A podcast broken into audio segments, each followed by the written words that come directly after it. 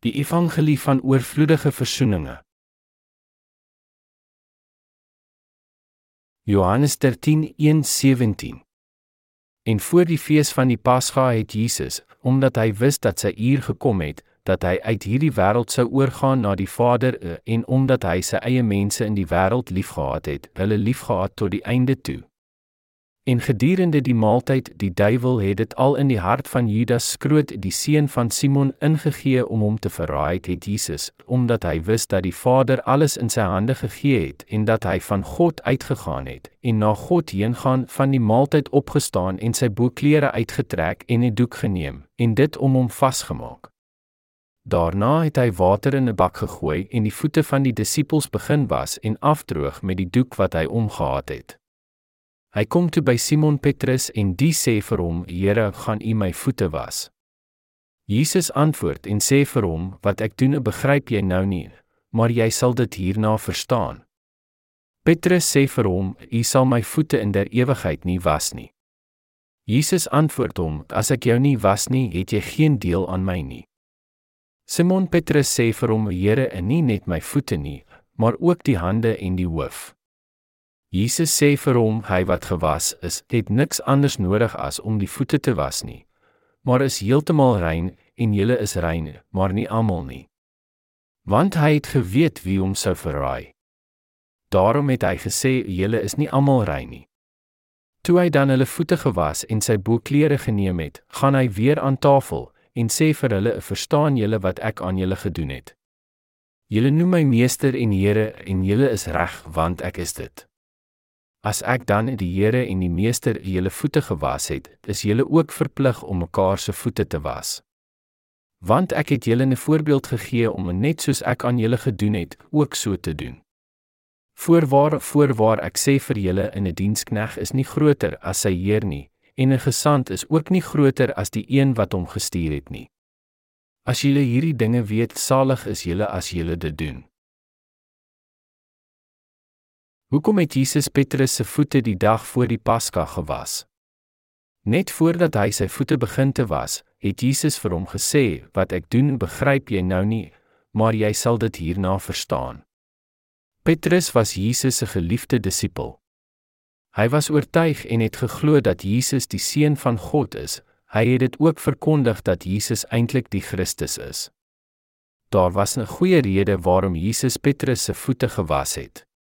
Toe Petrus met geloof getuig dat Jesus eintlik die Christus is, het hy erken dat Jesus eintlik die Heiland en Verlosser is en wat hom sou red van al sy sonde.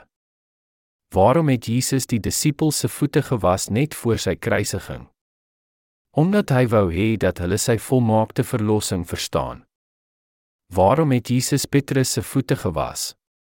Jesus het geweet Petrus sou hom binnekort 3 keer verloon en dat hy in die toekoms ook sonde sou doen. Sou Petrus nog sonde in sy hart gehad het nadat Jesus opgestyg het hemel toe, sou hy nooit met Jesus verenig kon word nie. Jesus was bewus van sy disippels se swakhede en wou nie laat dat hierdie swakhede tussen hom en hulle kom nie. Daarom het hy dit nodig geag om hulle die betekenis dat hulle sonde alreeds weggeneem is met die was van hulle voete. Dit was die rede waarom hy hulle voete gewas het. Voordat Jesus aan die kruis gesterwe het en voordat hy hulle verlaat het, wou hy seker gemaak het dat hulle sterk oortuiging in sy evangelie van sy doop het, asook die volledige verlossing van hulle lewenslange sondes. Johannes 13 praat oor die volmaakte redding en verlossing wat Jesus vir sy disippels gebring het. Terwyl hy hulle voete gewas het, het Jesus hulle vertel van die wysheid van die evangelie van sy doop dat vanweë die doop mens van al hulle oortredinge gered kon word. Hy het met hulle gepraat terwyl hy hulle voete gewas het moet nie in die toekoms deur die duiwel bedrieg en mislei word nie. Ek het al julle sondes weggeneem deur my doop in die Jordaanrivier en sal die oordeel aan die kruis betaal. Daarna sal ek uit die dood opgewek word om verlossing van 'n wedergeboorte aan julle almal te bring. Ek doen dit om julle te leer dat ek alreeds julle toekomstige sondes ook weggeneem het en om julle te leer omtrent die oorspronklike evangelie van die vergifnis van sondes. Dit is die rede waarom ek julle voete nou was en voordat ek gekruisig gaan word. Hierdie is die geheim van die evangelie om wedergebore te word. Dis moet julle almal nou glo. Ons moet ook die rede waarom Jesus sy disippels se voete gewas het verstaan, asook sy belangrike woorde: "Wat ek nou doen, begryp jy nou nie, maar jy sal dit hierna verstaan." Slegs nadat ons hierdie gebeurtenis goed verstaan, sal ons in staat wees om in hierdie evangelie van om hoe wedergebore te word en ook self wedergebore word. Hy het in Johannes 13:12 gesê: Wat is die oortredinge? Dit is die sonde wat ons elke dag doen weens ons swakhede. Voordat Jesus aan die kruis gesterwe het, het Jesus die dag voor die Pasga saam met sy disippels 'n maaltyd geëet en hulle oortuig van die evangelie van die vergifnis van sondes deur self hulle voete te was. Omdat hy wist dat die Vader alles in sy hande gegee het en dat hy van God uitgegaan het, en na God heen gaan van die maaltyd opgestaan en sy boeklere uitgetrek en doek geneem en dit om hom vasgemaak. Daarna het hy water in 'n bak gegooi en die voete van die disippels begin was en afdroog met die doek wat hy omgehad het. Hy kom toe by Simon Petrus en die sê vir hom: "Here, gaan U my voete was?" Jesus antwoord en sê vir hom: "Wat ek doen, begryp jy nou nie, maar jy sal dit hierna verstaan." Johannes 13:3-7 Gedurende hierdie intieme voete was, het hy sy disippels oor die evangelie van die doop, asook die verzoening van sondes deur die te water van sy doop geleer. Petrus wat getrou aan Jesus was, het nie verstaan waarom sy Heer sy voete was nie. Na hierdie gebeurtenis het Petrus verstaan wat Jesus vir hom gedoen het en met die gevolg het sy geloof verander en het tot die geestelike volwassenheid gekom. Jesus wou hom leer van die redding van sondes en die evangelie van die water van sy doop. Jesus was bekommerd oor Petrus omdat hy nie nader aan hom kon kom nie weens sy vleeslike sondes van die toekoms. Jesus het hulle voete gewas sodat die duiwel nie hulle geloof kon wegneem nie. Later het Petrus al hierdie dinge goed verstaan en ook verstaan waarom Jesus hulle voete gewas het. Jesus het die weg voorberei vir almal wat in sy evangelie van die water van sy doop en bloed sou glo en dus vir ewig gered en verlos word van al hulle sondes. In Johannes 13 word Jesus se woorde opgeskrewe waar hy die disippels se voete gewas het. Die woorde in hierdie hoofstuk is belangrik, maar die wedergebore gelowiges is alleenlik in staat om dit te ontleed en verstaan. Die rede hoekom Jesus sy disippels se voete gewas het voor die Paskafees was om hulle te help besef hy alreeds al hulle sondes weggeneem het. Jesus het gesê wat ek doen begryp jy nou nie, maar jy sal dit hierna verstaan. Hierdie woorde aan Petrus het die waarheid van ewige verlossing bevat. Ons moet ook van hierdie geestelike kennis dra waar al ons sondes en oortredinge weggeneem was deur sy doop en in dit glo met geloof.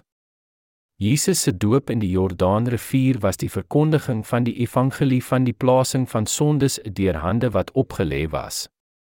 Ons moet in al die woorde van Jesus glo. Hy het al die wêreld se sondes weggeneem deur sy doop en die verlossing van sondes volbring deur om veroordeel te word in plaas van ons en aan die kruis gesterwe. Jesus was gedoop om alle mense van hul sondes te bevry. Die vergifnis van ons leeflank oortredinge was volbring deur die doop en die bloed van Jesus. Watter stryk gebruik die duiwel teen die regverdiges? Die duiwel probeer om die regverdiges te bedrieg met leuns om hulle weer sondaars te maak. Jesus het geweet na sy kruisiging en opwekking en daarna terug na sy hemel gegaan het, sou die duiwel en die bedrieglike propageerders van die valse geloof probeer om sy disippels te bedrieg. Ons kan duidelik sien deur Petrus se getuienis, U is die Christus, die seun van die lewende God, dat hy in Jesus geglo het. Maar nogtans wou Jesus Petrus herinner oor die evangelie van die vergifnis van sonde en dat hy dit in diep sy gedagtes sal bou. Daardie evangelie was die doop van Jesus deur wie hy al die wêreld se sondes eenmaal weggeneem het. Sy hoofdoel was om vir Petrus en die ander disippels dit nogmaals te leer, as ook vir ons wie sou later gekom het. Wat ek doen, begryp jy nou nie, maar jy sal dit hierna verstaan. Wanneer die disippels van Jesus weens die swakheid van hul vlees sonde gepleeg het, het die duiwel probeer om hulle te versoek, asook hulle te probeer verdoem en aan hulle te sê, kyk, hoe kan julle sonde pleeg? Julle sê vir almal dat daar geen sonde in julle harte is. Julle was nooit gered nie. Julle is maar net blote sondaars. Om hierdie soort van bedrog te verhoed het Jesus vir hulle geleer om geloof in sy doop te hê, waar hy alreeds al hulle lewens lank sonde weggeneem het, die verlede, die hede en die toekoms. Hy het ook vir hulle vertel, almal van julle weet, ek was in die Jordaan gedoop. Die rede hoekom ek gedoop was, was om jou lewenslank sondes weggeneem, asook mensdom se oorspronklike sonde. Is julle in staat om dit te begryp en te verstaan hoekom ek gedoop was en hierna aan die kruis gekruisig gaan word om vir die sondes te betaal?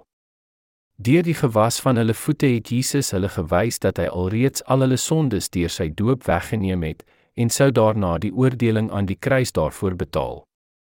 Nou is u en ek van al ons sondes gered deur ons geloof in die evangelie van Jesus se doop en bloed wat ons in staat stel om die vergifnis van ons sondes te ontvang. Jesus was gedoop en gekruisig vir ons. Hy het al ons sondes weggeneem deur sy doop en bloed. Iedereen wie dit besef en in die evangelie van die verzoening van sonde glo is verlos van al hulle sondes. Dis wat moet die wedergebore gelowiges doen nadat hulle gered word? Hulle moet hulle sondes elke dag erken en in die redding van die doop en bloed van Jesus glo op die evangelie van verzoening van al hulle sondes. Die evangelie van vergifnis van sonde is wat ons die wedergebore gelowiges diep in ons gedagtes moet stempel. Sou u weer sonde pleeg, sal dit u alweer sondaar maak. Nee. Wetend Jesus al ons sondes weggeneem het, hoe is dit moontlik om weer 'n sondaar te word? Die doop van Jesus en sy bloed aan die kruis is die evangelie van verzoening vir al ons sondes. Iedereen wie in hierdie oorspronklike evangelie van vergifnis van sonde glo, kan wedergebore word sonder uitsondering. Die regverdiges kan nooit weer sondaars word nie. Hoekom kan die regverdiges nooit weer sondaars geword nie? Omdat Jesus alreeds verzoening volbring het vir hulle lewenslank sonde. Sou u in die evangelie van vergifnis van sonde van die water en die gees glo, maar voel dat u nog sondaar is weens u daaglikse sonde wat gepleeg word, dan moet u weer terugkeer na die Jordaan waar Jesus gedoop was en waar hy al u sondes weggeneem het. As u wel 'n sondaar geword het nadat u verlos was van al jou sondes, sou Jesus weer 'n keer gedoop moes geraak het. Dit is ons sin, Jesus het die wêreld se sondes se eenmaal weggeneem. U moet geloof in die vergifnis van u sondes, die evangelie van die doop van Jesus besit. U moet in gedagte hou Jesus het deur sy doop ons sondes eenmaal weggeneem. U moet dus onwrikbare geloof in Christus Jesus as jou heiland besit. Om in Jesus presies te glo beteken om in sy doop ook te glo wie al ons lewenslank sondes weggeneem het. As u in sy doop, sy kruis, sy sterwe en die opstanding van Jesus glo, sal u nooit weer 'n sondaar word nie, afgesien van die daaglikse sonde wat u sou pleeg. U is volmaak verlos van al u sonde insluitend jou lewenslank sonde deur geloof. Jesus Christus het ook ons toekomstige sondes weggeneem, selfs die sonde wat ons in ons swakhede pleeg. Sedert Jesus groot klem op die belangrikheid van sy doop gelê het, het hy die disippels se voete met water gewas wat simboliseer die evangelie van die vergifnis van sonde dit wil sê sy doop. Jesus Christus was in die Jordaan gedoop en aan die kruis gekruisig en opgewek van die dood en terug hemel toe om God se beloftes van oorvloedige verzoening en om mensdom te red te volbring Gevolglik was sy disippels in staat om hierdie kragtige evangelie van vergifnis van sonde, die doop van Jesus, die kruis en die opstanding met vrymoedigheid te verkondig tot die einde van hulle dae. Die swakheid van Petrus se vlees. Hoekom het Petrus vir Jesus ontken? Omdat hy swak was. Die Bybel vertel ons wanneer Petrus voor Kajafas die hoëpriester se diensknegte uitgedaag was, en hom beskuldig as volgeling van Jesus, het hy hierdie aantuigings twee keer ontken en vir hulle gesê: "Ek ken hierdie man nie." En later het 'n sekere diensmeisie ook na hom toegekom en gesê, "Jy was ook by Jesus die Galileër." Toe het hy homself verwens en te sweer, "Ek ken hierdie man nie." Laat ons van hierdie gebeurtenis in Matteus hoofstuk 26 vers 69 lees. En Petrus het buitekant gesit in die binneplase van die paleis en sekere diensmeisie het na hom gekom en gesê, "Jy was ook by Jesus die Galileër." Ons moet erken Petrus het waarlik in Jesus geglo en was sy getroue volgeling. Hy was oortuig die Here Jesus was die heiland verlosser, asook die profeet wat moes gekom het. Maar wanneer Jesus na Pilatus se hof gesleep was, het dit begin gevaarlik vir hom geword om sy verhouding met Jesus te openbaar. Hy het Jesus dus ontken en gevloek voor hulle. Op daardie oomblik weens sy swakheid het Petrus nie geweet dat hy eintlik sou Jesus kon ontken nie, asook al hierdie vreeslike woorde gesê het. Maar Jesus het geweet dat hy sou hierdie dinge gedoen het. Jesus het kennis gedra van Petrus se swakhede. Dit was die hoofrede hoekom Jesus Petrus se voete met sy eie hande gewas het en sodoende sy evangelie van vergifnis in sy gees en in sy geheue ingegrif het, soos in Johannes 13 oorgeskrewe is: Jy sal weer in die toekoms sonde pleeg, maar ek het alreeds al jou sondes weggeneem, asook al jou toekomstige sondes. Petrus het inderdaad vir Jesus ontken dit het gebeur wanneer sy lewe in gevaar gestel was en omdat hy swakkeling en vleeslike mens was. Daarvoor om sy disippels te red van al hul sonde en oortredinge was Jesus verplig om hulle voete vooruit te was. Hy het hulle voete gewas en vir hulle gesê: Ek sal ook al julle toekomstige sondes uitwis om die ware heiland vir julle te word. Ek sal julle God, julle heiland verlosser word. Ek sal die volle prys vir julle sondes met my lewe betaal en ek sal julle God en heiland word deur my doop en bloed. Ek is die herder van julle verlossing. Om hierdie waarheid stewig in hulle harte te plant, het Jesus net voor die Paska hulle voete gewas. Hierdie is die waarheid van die evangelie. Omdat ons vlees swak is selfs nadat ons wedergebore geword het, sal ons struikel en sonde pleeg. Natuurlik moet ons nie sonde pleeg nie, maar wanneer ons in 'n moeilike en soms in 'n lewensgevaarlike situasie beland soos wat Petrus ondervind het, sal daar geneig word om sonde te pleeg sonder om van dit opsetlik te doen. Ons leef in die swakheid van die vlees en sommige tye word ons gelei na vernieling deur ons sondes. Ons moet in gedagtes hou die vlees sal altyd wil sonde pleeg solank as ons in hierdie sekulêre wêreld woon, maar die goeie nuus is Jesus het al hierdie sondes weggeneem deur sy doop en bloed aan die kruis. Ons sal nie Jesus ons heiland verlosser ontken nie, maar ons lewe in vleeslike liggaam en daar word altyd sonde gepleeg teen God se wil. Die rede is omdat ons van die vlees gebore is. Jesus het ons duidelik gewaarsku: "Waak en bid dat jy nie in versoeking kom nie." Die gees is willig, maar die vlees is swak omdat ons vleeslik gebore is. Jesus het goed geweet dat ons sou sonde pleeg terwyl ons in die vlees leef, dus het hy ons heiland verlosser geword deur om al ons sondes weg te neem en daarvoor te betaal met sy doop en bloed. Hy het al ons sondes uitgewis, nie net vir ons nie, maar ook vir almal wie in sy redding en opwekking glo. Dit is die rede hoekom die vier evangelies begin met die doop van Jesus deur Johannes die Doper. Die hoofdoel van sy menslike lewe op aarde was was om die evangelie van wedergebore te vervul, die evangelie van verlossing. Hoe lank pleeg ons sonde in die vlees? Sonde word elke dag van ons lewe gepleeg totdat ons sterwe. Wanneer Petrus Jesus ontken het, nie net eenmaal of twee maal, maar 3 maal voordat hy aangekraai het. Wanneer hy dit besef het, het hy weggeloop met 'n gebroke hart en was diep bedroef. Hoe skaam moes hy gevoel het? Hy het voor Jesus gesweer dat hy hom nooit sou verraai nie. Hy het gesondig omdat sy vlees swak was. Hoe ellendig moes hy gevoel het wanneer hy voor sy swakheid beswyk het en Jesus nie net eenmaal maar 3 maal ontken het. Hoe skaam moes hy gevoel het wanneer Jesus weer eens in sy oë gekyk het met medelee. Maar Jesus het al hierdie dinge vooraf geweet en meer. Daarvoor het hy gesê: "Ek weet julle sal oor en oor sonde pleeg. Daarom het ek al daardie sondes deur my doop weggeneem uit vrees dat jou sondes weer julle sondaars maak en dit onmoontlik maak om na my toe terug te keer. Ek het deur my doop julle volmaakte heiland geword en daarvoor sal ek veroordeel word vir julle sondes. Ek het julle God en Herder geword. Glo in my evangelie van die vergifnis van sonde.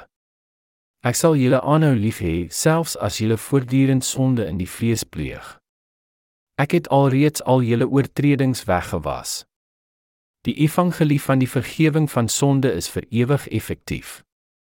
My liefde vir julle is ook vir ewig. Jesus het vir Petrus en die disippels duidelik vertel: As ek jou nie was nie, het jy geen deel aan my nie. Die rede hoekom hy oor hierdie evangelie in Johannes 13 gepraat het, was om hulle te wys hoe belangrik dit was vir mense om wedergebore te word deur die water en die Gees. Glo u dit ook? Vers 9: Here, nie net my voete nie, maar ook die hande en die hoof. Jesus sê vir hom, hy wat gewas is, het niks anders nodig as om die voete te was nie, maar is heeltemal rein. Liewe vriende, sal julle in die toekoms in die vlees weer sonde pleeg of nie? Julle sal verseker.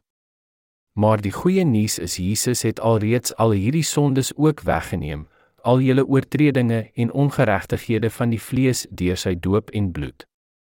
Hy het duidelik die woord van waarheid in sy disippels ingegrif het wis, hierdie evangelie van verzoening voordat hy aan die kruis gekruisig was.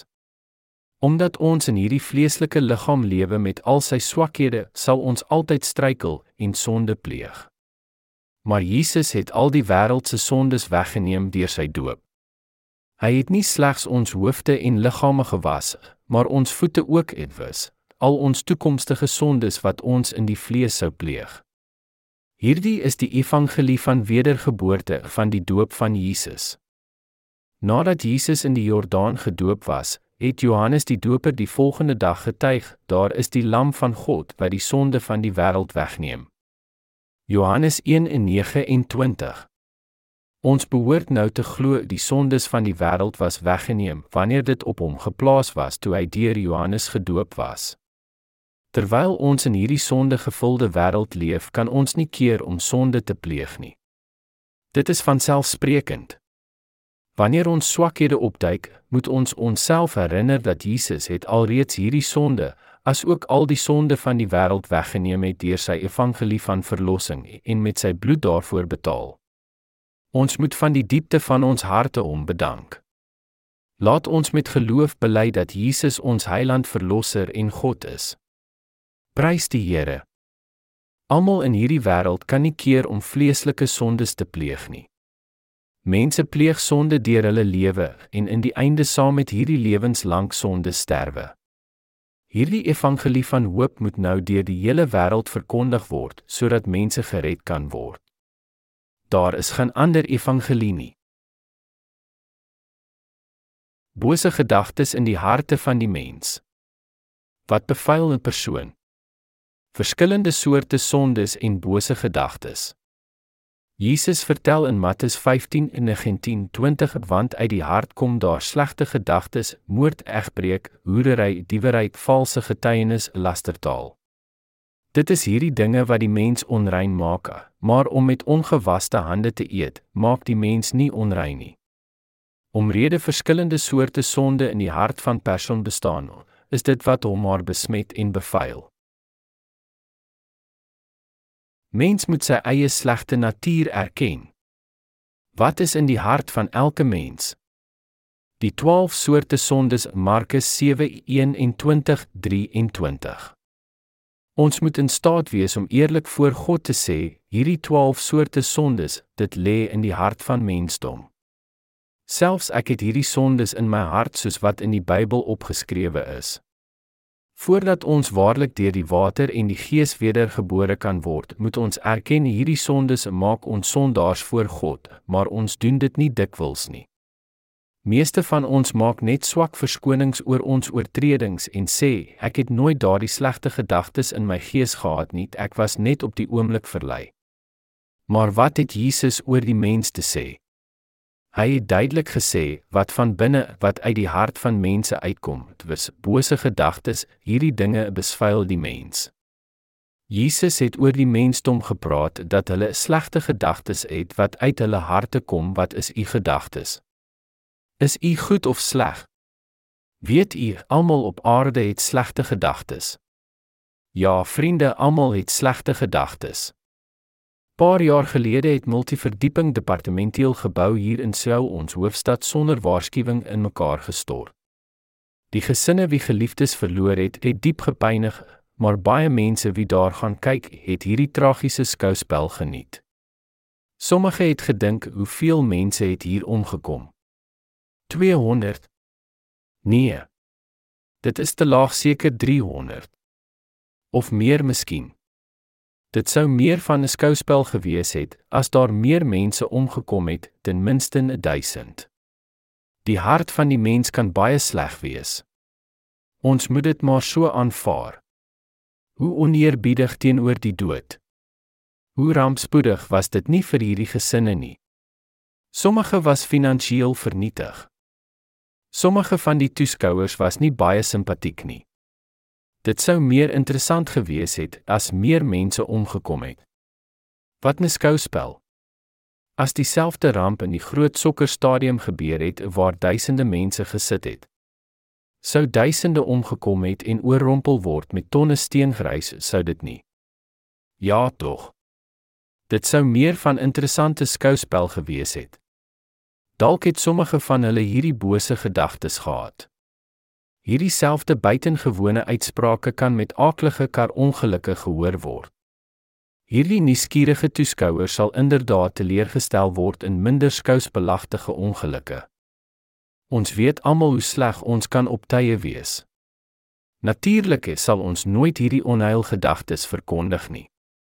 Ons mag net saggies ons simpatie en meegevoel gee wanneer ons op 'n ongeluk toneel per toeval afkom, maar stilletjies in ons hart wou ons graag 'n groter skouspel gesien het. Ons wil graag groter en meer aaklik ongelukke of natuurlike rampe sien waar duisende mense omgekom het soos pf. vernietigende tsunamies, maar dit moet nie ons raak nie. Dit is hoe die mense harte in algemeen werk. Die meeste van ons is soos dit vanaf geboorte. Moord in die hart van elke persoon. Hoekom pleeg ons sonde? Omdat ons bose gedagtes in ons harte het. God het gesê daar word moord in elke hart van die mens gevind. Maar baie sal hierdie aantuiging voor God ontken en op antwoord sê, "Hoe kan U dit vir my sê? Ek het nie eers 'n vlek van moord in my gedagte nie." Hoe kan u my beskou as 'n dergelike persoon om vir my te sê dat ek moord in my hart het?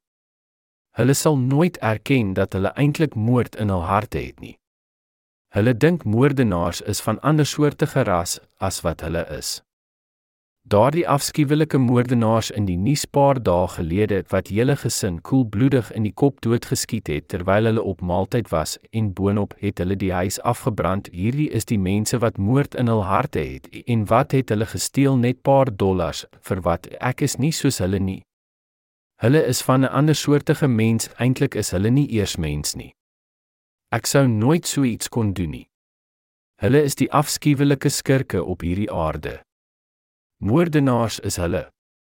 Hulle raak verontwaardig oor hierdie kriminele en skurke en skreeu hardop: "Diegene gebore van bose saad moet spoedig van die aarde uitgewis word sonder uitsondering." Hulle moet almal teen muur vasgemaak en doodgeskiet word en daarna tot as verbrand word vir al hulle onmenslike dade. Maar ongelukkig is moord in die harte van hierdie verontwaardigde mense, asook in die harte van moordenaars en skurke. God sê daar is moord in die harte van alle mense. Ons moet die woord van God aanvaar, soos dit is hy sien dinge diep in ons harte en verstand. Dis moet ons eerlik voor hom erken en ja Here, ek is sondaar met moord in my hart. Ja, liewe vriende, God het ons vertel in die hart van die mens is daar bose gedagtes insluitend moord. Laat ons die woord van God aanvaar. Soos die geslagte van die mens al hoe sleg word, word selfs individuele beskerming toerusting gebruik as wapens van moord. Dit gebeur omdat daar moord in ons harte is. U kan iemand skielik aanval in 'n oomblik van woede of vrees. Ek sê nie elke een van ons sal eintlik mense doodmaak nie, maar die gedagte is daar in ons harte. Almal van ons word met bose gedagtes in ons harte gebore.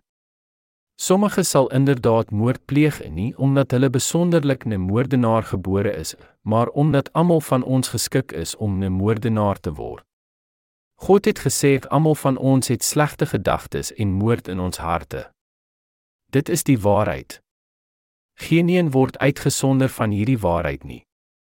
Daarvoor die presiese pad is om die woord van God te aanvaar net soos dit is en dit gehoorsaam. Ons pleeg sonde in die wêreld omdat daar slegte gedagtes is in ons harte is. Oorspel in ons harte. God sê ook dat daar is egbreek is in elke persoon se hart. Stem u saam. Erken u daar is egbreek in u hart. Ja, daar is egbreek in elke hart en in elke persoon. Dit is hoekom prostitusie en seksuele oortredinge in ons samelewing so floreer. Dit is een van die maklikste maniere om gou geld bymekaar te maak. Dit was so in elke tydperk van die mens se geskiedenis. Ander besighede sal deur harde tyd gaan en self bankrot speel weens ekonomiese depressie, maar hierdie vuil en slegte besighede lei nie so baie nie omdat daar 'n oorspelhuis is in die hart van elke persoon. Die vrugte van sondaars is sonde. Wat word mensdom vergelyk na? Boom wat slegs vrugte dra van sonde. Net soos appelbome appels dra, perebome pere, dadelbome dadels en perskebome perskes, ons wat gebore is met 12 verskillende sondes in ons harte kan slegs hierdie soort vrugte dra. Jesus sê wat van binne af uit die hart van mense kom, dit bevuil hulle. Stem julle saam. Ons kan net saam met die woorde van Jesus saamstem, "Ey ja, ons is 'n broeisel van sondaars en boosdoeners." Ja, Here, U is reg. Ja, ons moet die booshede in ons hart voor Hom erken. Ons moet die waarheid voor Hom erken. Net soos Christus Jesus die wil van God gehoorsaam het, moet ons die woord van God aanvaar en Hom gehoorsaam. Dit is die enigste weg om gered van al ons sondes deur die water en die Gees te word. Hierdie is die gawe van God. My vaderland is geseënd met vier skitterende seisoene. Soos die seisoene vorder, sal die verskillende soorte bome hul vrugte begin te dra. In dieselfde manier het die 12 soorte sonde in ons harte 'n greep op ons en lei ons voortdurend in sonde. Vandag mag dit moord wat greep in ons hart het en môre mag dit egbreek wees. Dis die volgende dag slegte gedagtes, hoerery, diewery, hebsig eens. Ons gaan voort om met sonde te pleeg elke dag van die jaar, elke maand, elke dag, elke uur. Daar is nie 'n dag wat verbygaan sonder dat ons een of ander sonde gepleeg het nie. Ons gaan voort om onsself te bestraf om nie sonde te pleeg nie, maar ons kan dit nie help nie omdat ons sondaars gebore is. Het u ooit appelboom gesien wat geweier het om appels te dra net omdat die boom onwillig was? Ek wil nie meer appels dra nie. Skree die boom. Selfs sou die boom hierdie gedagtes gehad het om nie appels te dra nie, hoe is dit moontlik vir hierdie appelboom om nie appels te dra nie? Die appelbloeisel sou in die lente geblom het, die appel sou groei en in die somer ryp word het en gepluk word om van dit te eet of verkoop. Dit is die wet van die natuur en die lewe van sondaars moet ook hierdie pad volg. Sondaars soos die bome moet maar net vrugte van sonde dra. Die doop en die kruis van Jesus was om verzoening vir ons sondes te bewerkstellig. Wat beteken 'n deur Jesus se verzoening? Dit is die betaling van die loon van sondes deur die doop van Jesus, die lê op van hande en sy bloed aan die kruis. Laat ons vers in die Bybel lees om te ontdek hoe sondaars hierdie broeisel van boosdoeners verzoening kan ontvang vir al hul sonde voor die heilige God, sodat hulle lewens gelukkig en bespoedig wees. Hierdie is die evangelie van die verzoening van sonde.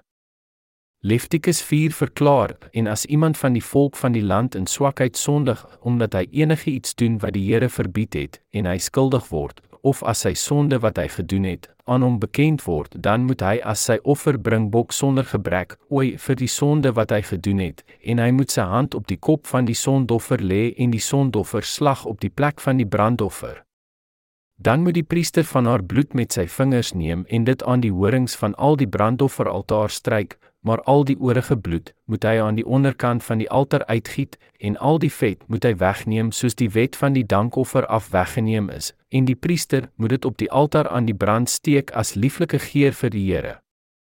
So moet die priester dan vir hom verzoening doen en dit sal hom vergewe word. Levitikus 4:27-31 Hoe het die volk van Israel verzoening vir hulle sondes ontvang gedurende die dae van die Ou Testament? Eerstens het hulle hande op die kop van die sondoffer gelê en in hierdie manier hulle sondes oorgeplaas. In Levitikus hoofstuk 1 word geskrywe: Spreek met die kinders van Israel en sê vir hulle as iemand van julle aan die Here 'n offer wil bring, kan julle heel offer bring van vee, van beeste of van kleinvee. As sy offer 'n brandoffer is van beeste, moet dit 'n bul sonder gebrek wees wat hy bring. By die ingang van die tent van samekoms moet hy dit bring sodat hy welgevalle voor die aangesig van die Here kan vind. En hy moet sy hand op die kop van die brandoffer lê, dan sal dit vir hom met welgevalle aangeneem word om verzoening vir hom te doen Levitikus 1:2-4. Wanneer persoon van daardie tydperk erken dat hy gesondig het, was hy verplig om sondoffer voor te berei en dit gebreek vir verzoening vir sy sonde. Hy het sy twee hande op die kop van die sondoffer gelê en in hierdie manier sy sonde en oortredinge op die kop van die sondoffer geplaas. In die ingang van die tent van samekoms was 'n brandofferaltaar. Dit was vierkantig of doosvormig en net groter as hierdie kanseltafel. Op elke hoek was horings waarop die priesters bloed met hulle vingers opgestryk het. Die volk van Israel het verzoening van hulle sondes verkry deur om hulle sondes op die kop van die sondofferbok te plaas en die sondoffer en sy vleis was op die brandofferaltaar geplaas as brandoffer. God het in Levitikus vir sy volk gesê by die ingang van die tent van samekoms moet hy dit bring sodat hy welgevalle voor die aangesig van die Here kan vind. Hulle sonde was in hierdie manier op die sondoffer geplaas deur hul hande wat op die kop van die sondofferbok gelê was en die sondaar het self die bok geslag en daarna het die priesters die bloed van die sondoffer op die brandofferaltaar se horings gestryk. Nadat die offer aangeslag en al sy binnegoed verwyder was en die vlies in stukke gesny en verdeel was, was dit op die altaar geplaas as brandoffer. Dis het daar 'n lieflike geur van gebrande vleis aan God opgekom vir die verzoening vir hulle sondes. In hierdie manier het hulle verzoening vir hulle daaglikse sonde ontvang. God het hulle toegelaat om ander offering van verzoening te gebruik. Dit het verskil van die daaglikse verzoening van sonde.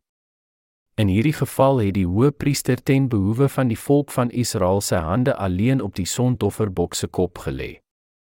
Hy het 7 maal bloed op die ooste kant van die versoendeksel gesprinkel. Hy het ook sy twee hande op die kop van die lewende bok voor die hele vergadering van die volk van Israel gelê. Dit het in die 7de maand op die 10de van die maand elke jaar gebeur as 'n ewige insetting soos deur die Here beveel was. Levitikus 16:5-27 Wie simboliseer die sondofferande van die Ou Testament? Christus Jesus. Laat ons nou kyk hoe hierdie offerande-stelsel verander het in die Nuwe Testament en hoe die ewige statuut van God oor die jare standvastig was. Ons moet nou belangrike vrae vra en hoekom het Jesus aan die kruis gesterwe? Wat het hy op hierdie aarde verkeerd gedoen waar God die Vader sy geliefde seun hom in hierdie manier behandel het en aan die gruwelike kruis vasgespijker het? Wie of wat het hom gedwing om aan die kruis in hierdie gruisame manier laat sterwe het? Wanneer sondaars van die wêreld, dit beteken almal van ons wat in sonde geval het, het Jesus nodig om ons te red. Hy was in die Jordaan deur Johannes die Doper gedoop, waar hy die sondes van mensdom op hom geneem het, sodat hy daarvoor met sy lewe aan die kruis kon betaal. Die manier hoe Jesus gedoop was en hoe hy bloed vergiet het aan die kruis is soortgelyk as die offerande van verzoening in die Ou Testament, dit was die oplê van hande en die bloedvergieting van die sondofferbok. Dit is hoe hulle gedurende die Ou Testament se dae dit gedoen het. Sondaar het sy hande op die sondoffering gelê en oor sy sonde bely en gebid: Here God, ek het gesondig, ek het moord gepleeg, as ook oorspel. Dus in hierdie manier het hy sy sonde op die sondoffer geplaas. Net soos die sondaar wie die sondofferbok geslag en vir God opgeoffer het, was Jesus in dieselfde manier opgeoffer om verzoening vir al ons sondes te maak. Jesus was gedoop en aan die kruis sy bloed vergiet om ons te red en verzoening vir al ons sondes te maak deur sy opoffering. Die feit is Jesus het vir ons gesterwe wanneer ons die betekenis oordink op al die gebreklose diere wat gebreek was vir die sondoffers vir die volk van Israel. Het al hierdie diere van sonde geweet? Diere het geen kennis van sonde nie. Dis moet hulle sonder gebrek gewees het. Net soos hierdie diere uitgekies was met geen gebrek nie, net so was Jesus sonder enige sonde. Hy is die heilige God, die seun van God, en in hom is daar geen sonde nie. In hierdie manier toe hy 30 jaar oud was, het hy al ons sondes en ongeregtighede weggeneem deur sy doop in die Jordaan. Vanweë ons sondes het Jesus aan die kruis gesterwe wat hy weggeneem het. Dit was sy bediening vir verlossing wat die sondes van mensdom weggewas het. Die begin van die evangelie van verzoening vir sonde. Hoekom was Jesus deur Johannes die Doper in die Jordaan gedoop? Om alle geregtigheid te vervul. Dit word in Matteus hoofstuk 3 verse 13-15 opgeskrewe. Toe het Jesus van Galilea na die Jordaan na Johannes die Doper gekom om deur hom gedoop te word. Maar Johannes het hom ernstig teëgegaan en gesê: "Ek het nodig om deur u gedoop te word en kom u na my toe." Maar Jesus het geantwoord en vir hom gesê: laat dit nou toe want se pas dit ons om alle geregtigheid te vervul. Daarna het hy hom toegelaat. Ons moet nou weet en verstaan hoekom Jesus op die ouderdom van 30 jaar gedoop was. Hy was gedoop om ons sondes te versoen en om die geregtigheid van God te vervul. Om mensdom te red van hulle sondes het Jesus die Christus wie sonder enige vlek was, was hy in die Jordaan gedoop deur Johannes die Doper. Dus het hy al die sondes van die wêreld weggeneem en homself opgeoffer om vir die sondes van die mensdom te versoen. Om gered van sondes te word, moet ons die hele waarheid weet en in dit glo. Dit is aan ons oorgelaat om in sy verlossing te glo en gered te word. Wat beteken die doop van Jesus? Dit is soortgelyk soos hande wat opgelê word in die Ou Testament.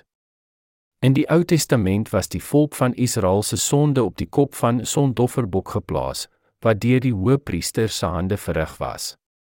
In dieselfde manier in die Nuwe Testament het Jesus die wêreld se sondes weggeneem, wanneer hy homself aangewys as die sondofferlam en was deur Johannes die Doper gedoop. Johannes die Doper wie deur God ingeseën was, was die grootste man wat uit mensdom gebore was en die verteenwoordiger van die mensdom. As die verteenwoordiger van mensdom, die hoëpriester van mensheid, het hy sy twee hande op Jesus se hoof gelê terwyl hulle in die Jordaan gestaan het en in hierdie manier was al die wêreld se sondes op hom geplaas. Doop impliseer om iets oor te plaas of begrawe te word, asook om te was. Weet u hoekom Jesus na ons wêreld gekom het en deur Johannes die Doper gedoop was? Glo u waarlik in Jesus, asook die betekenis van sy doop? Die doop van Jesus het gebeur om al ons sondes weggeneem uit die sondes van die broeisel van bose doeners wat ons in die vlees deurgaans pleeg totdat ons sterwe. Johannes die Doper het Jesus gedoop om die oorspronklike evangelie te vervul, asook die van die verzoening van sondes.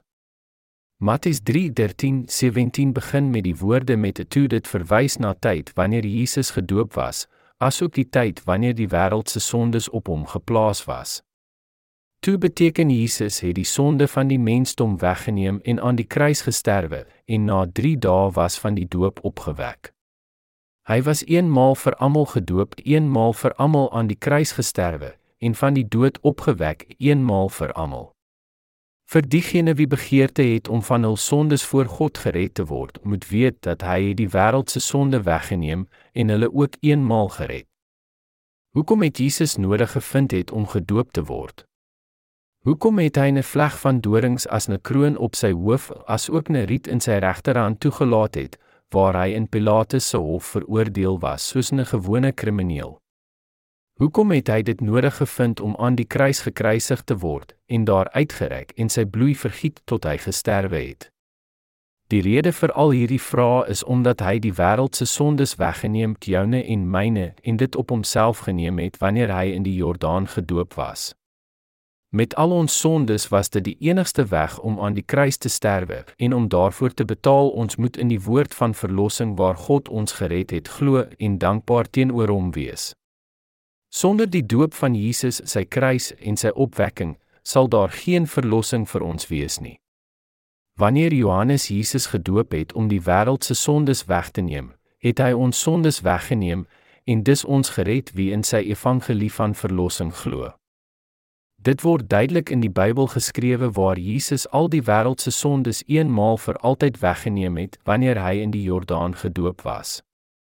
Al ons sondes insluitend die oorspronklike sonde was weggeneem. Jesus sê duidelik in Matteus 3:15, "Laat dit nou toe, want se pas dit ons om alle geregtigheid te vervul." Om alle geregtigheid te vervul beteken al ons sondes sonder uitsondering is van ons weggeneem. Halleluja. Is dit nie goeie nuus nie? Het Jesus al u lewenslank sondes en oortredinge ook weggeneem? Ja, hy het. Laat ons nou die bewyse van die verzoening van ons sonde in Levitikus nou bekyk. Hier vertel die skrywe al omtrent die hoëpriester en die offerande van die groot verzoeningsdag. Die offerande van verzoening vir die jaarlikse sonde van die Israeliete. Kon die Israeliete eenmaal geheilig word deur die sondoffers van hierdie wêreld? Nooit. Dan moet Aaron die sondofferbul wat vir hom bedoel is aanbring en vir hom en sy huis verzoening doen. Hy moet ook die twee bokke neem en hulle voor die aangesig van die Here stel by die ingang van die tent van samekoms. En Aaron moet oor die twee bokke die lot werp, een lot vir die Here en een lot vir Assasel. Dan moet Aaron die bok aanbring waar die lot vir die Here opgekom het en hom as sondoffer berei, maar die bok waar die lot vir Assasel opgekom het, moet lewendig voor die aangesig van die Here gestel word om oor hom verzoening te bewerk deur hom vir Assasel in die woestyn te stuur Levitikus 16:16. Hier sien ons duidelik waar Aaron twee bokke geneem het en hulle voor die aangesig van die Here gestel by die ingang van die tent van samekoms om vir verzoening van sonde vir die hele volk van Israel te bewerkstellig. En Agron moet oor die twee bokke die lot werp, een lot vir die Here en een lot vir Assasel.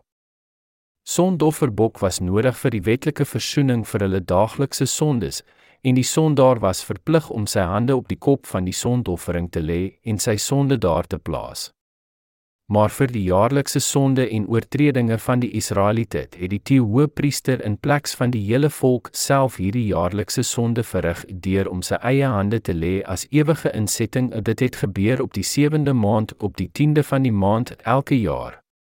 In Levitikus 16:29-31 word geskrywe: en dit moet vir julle ewige insetting wees in die sewende maand op die 10de van die maand moet julle heel verootmoedig en geen werk doen nie. Die kind van die land sowel as die vreemdeling wat onder julle vertoef. Want op hierdie dag moet hy vir julle verzoening doen om julle te reinig. Van al julle sondes moet julle voor die aangesig van die Here rein word. 'n dag van volkomme rus moet dit vir julle wees en julle moet julle verootmoedig Dit is 'n ewige insetting Levitikus 16:29-31. In die Ou Testament het die hele volk van Israel sondoffer opgeoffer om verzoening van hulle daaglikse sondes en oortredinge te ontvang en het hulle sonde deur om hul hande op die kop van sondoffer te plaas en aan God bely: "O Here, ek het die en daardie sonde gepleeg. Vergewe my asseblief." Dis het hulle die sondofferbok geslag, die bloed vir die priester gegee en weer teruggekeer huis toe met die oortuiging dat hulle bevry was van al hulle sondes. Dus het die sondofferbok gevrek in plek van die sondaar met al sy sonde op sy kop. Die sondofferbok was doodgemaak in plaas van die sondaar. In die Ou Testament kon die sondoffering slegs bok of lam, kalf of bul wees, was dit een van die geheiligde diere wat God vir hulle onderskei het. God in sy oneindige genade het toegegee om dier se lewe laat opoffer in plaas van die sondaar wat sonde gepleeg het. In hierdie manier was dit moontlik vir sondaars om verzoening te ontvang vir hulle sondes deur hierdie offering verzoeningssisteem. Die oortredinge van die sondaar was op die sondoffer gelê, die priester het die bloed geneem en dit gebreek om hulle sondes te versoen. Nietemin was dit onmoontlik om elke dag verzoening in hierdie manier te behartig. Met die gevolg het God die hoëpriester toegelaat om hierdie sonde slegs eenmaal per jaar, elke jaar verzoening vir die volk se sondes te doen. Dit het op die 10de dag van die 7de maand vir die volk se ontwil gebeur. Dis wat was die taak van die hoëpriester op die groot verzoeningsdag? Eerstens het Aaron die hoëpriester sy twee hande op die kop van die sondoffer gelê en in die teenwoordigheid van die mense van Israel het hy hulle sonde vir God bely, Here God. Hierdie volk van Israel het hierdie en daardie sonde, moord, egbreek, hoerery, diewery, valse getuienis, lastertaal ens gepleeg. Hy het die sondofferbok geslag en sy bloed geneem en dit 7 maal op en voor die versoendeksel in die heiligdom gesprinkel. In die Bybel word die nommer 7 as perfek beskou. Sy taak was om die volk van Israel se jaarlikse sonde op die kop van die lewende sondofferbok te plaas, en dus was die sondoffer opgeoffer as plaasvervangend. Omdat God regverdig is, wil hy die mense van al hulle sondes red, dus het hy toegegee dat die sondoffering sterwe in plaas van hulle. Die hoëpriester het die bloed van die sondofferbok geneem en aan die ooste kant van die heiligdom gesprinkel en sodoende het hy verzoening vir al die jaarlikse sonde van Israel behartig wat op die groot verzoeningsdag plaasgevind het. Wie is die sondoffer, 'n lam in ooreenstemming met die Ou Testament? Jesus wie sonder gebrek of vlek is. Die hoëpriester was deur God verplig om twee bokke op die groot verzoeningsdag laat neem en voor die aangesig van die Here stel by die ingang van die tent van samekoms. Een van die bokke was vir Asasel genoem wat beteken om uitgesit te word. In dieselfde manier die bok vir Asasel van die Nuwe Testament is Christus Jesus. Want so lief het God die wêreld gehad dat hy sy eniggebore seun gegee het sodat elkeen wat in hom glo nie verlore mag gaan nie, maar die ewige lewe kan hê. Johannes 3:16. God het sy enigste geliefde seun aan ons gegee as die sondofferlam. As die sondofferlam vir die mensdom was hy deur Johannes die Doper in die Jordaan gedoop en sodoende het hy ons heiland verlosser geword, die Messias van die wêreld. Die naam Jesus beteken die heiland en Christus beteken die gesalfde koning. Dis Jesus Christus beteken die seun van God wie gekom het om ons almal te red. In dieselfde manier in die Ou Testament op die groot dag van verzoening, waar hulle jaarlikse sonde en oortredinge vir die jaar weggeneem was, het Christus Jesus ongeveer 2000 jaar gelede na ons wêreld gekom om gedoop te word en daarna aan die kruis sy bloed vergiet en gesterwe om die evangelie van verzoening van sonde te volbring. By hierdie punt laat ons Levitikus hoofstuk 16 verse 21 22 lees en Aaron moet sy twee hande op die kop van die lewende bok lê en oor hom belydenis doen van al die ongeregtighede van die kinders van Israel en al hulle oortredinge wat hulle sondes ook al mag wees en hy moet die op die kop van die bok lê en hom deur man wat gereed staan na die woestyn toe stuur. Dit is in die Bybel geskrewe waar al die sondes van die Israeliete op die kop van die lewende bok geplaas was. Asook in Levitikus hoofstuk 1 wat sê al die ongeregtighede wat verwys na al die sonde wat hulle in hul hart het gedagtes en met hulle vlees gepleeg het. En al die ongeregtighede was in hierdie manier op die kop van die sondofferbok geplaas deur die lê van die hoëpriester se twee hande. Deur die wet van God moet ons ware kennis dra van al ons sondes. Hoekom het God sy wet vir ons gegee? Sodat ons kennis van sondes dra. Die wet van God behels 613 gebooie en verbooie. Die feit is as ons dit oordink, doen ons wat ons nie moet doen nie en nie doen wat ons moet doen nie, is dit waar of nie? Daarvoor is ons sondaars. Dit word in die Bybel verwys waar God sy gebooie vir ons gegee het, want deur die wet is die kennis van sonde Romeine 3:20. Dit beteken hy sy wet en gebooie aan ons gegee het om vir ons te leer dat ons blote sondaars is. Hy het dit nie vir ons gegee om by dit te probeer lewe nie, maar om ons te laat besef dat ons nog sondaars is. Hy het nie sy gebooie aan ons gegee en verwag om ons by dit probeer te lewe nie. Byvoorbeeld, ons kan nie 'n hond verwag om soos 'n mens te lewe nie. In dieselfde manier is dit nie moontlik vir ons om by die wet van God te lewe nie, maar kan slegs ons sondes besef deur sy wet. God het sy gebooie vir ons gegee omdat ons massa van sonde is, maar ons besef dit nie. Julle is moordenaars, hoererye, boosdoeners ens. God vertel ons deur sy gebooie, hy het duidelik gesê, ons moet nie doodmaak nie, maar tog pleeg ons moord in ons harte en sommige tye met ons liggame ook. Nietemin omdat dit in die wet geskrewe is om nie moord te pleeg nie en ons besef en erken dat ons tog moordenaars is en sê ah, ek was verkeerd. Ek is 'n sondaar omdat ek het iets gepleeg het wat ek nie moet gedoen het nie. Ek het gesondig. Om die volk van Israel van sonde te red, het God Aaron toegelaat om die sondoffer van verzoening te doen en dit was Aaron wie die versoening vir die volk eenmaal per jaar en elke jaar daarna gedoen het. In die Ou Testament op die groot versoeningsdag was dit verpligtend om twee lewende sondofferbokke te neem en dit voor die aangesig van God te stel. Een was voor God opgeoffer, terwyl die ander een na die woeste woestyn ingestuur was nadat die priester hande op sy kop gelê het en al die jaarlikse sonde van die volk daar geplaas het. Voordat die bok in die woestyn ingestuur was, deur 'n man wat gereed gestaan het, het die hoëpriester sy twee hande op die kop van die lewende bok gelê en die sonde van die volk van Israel voor God bely. Here God, hierdie mense het moord, losbandigheid, gesteel, afguns, 'n gesneede beelde aangebid. Eens gepleeg ons het almal sonde voor U aangesig gepleeg, ons is almal skuldig. Die land van Palestina was 'n ondraagbare woestyn. Die sondebok was in hierdie woeste woestyn ingestuur waar dit gevrek het. Wanneer dit uit in die woestyn gestuur was, het die volk van Israel na dit gekyk totdat dit in die verte verwyn het en in hierdie manier geglo dat al hulle sonde weggeneem was. Dis het die mense in hierdie manier vrede ontvang en die sondebok het in die woeste woestyn met al hulle jaarlikse daar gevrek het. In hierdie manier het God vir al ons sondes versoen deur die lam van God, Jesus Christus. Al ons sonde en ongeregtighede was deur die doop van Jesus en sy bloed aan die kruis weggeneem. Jesus is God en ons heiland. Hy is die seun van God wie mensdom gered het van al hul sondes. Hy is die skepper wie mensdom na sy eie beeld en gelykenis geskaap het en wie na ons wêreld gekom het om ons sondaars te red van al ons sondes.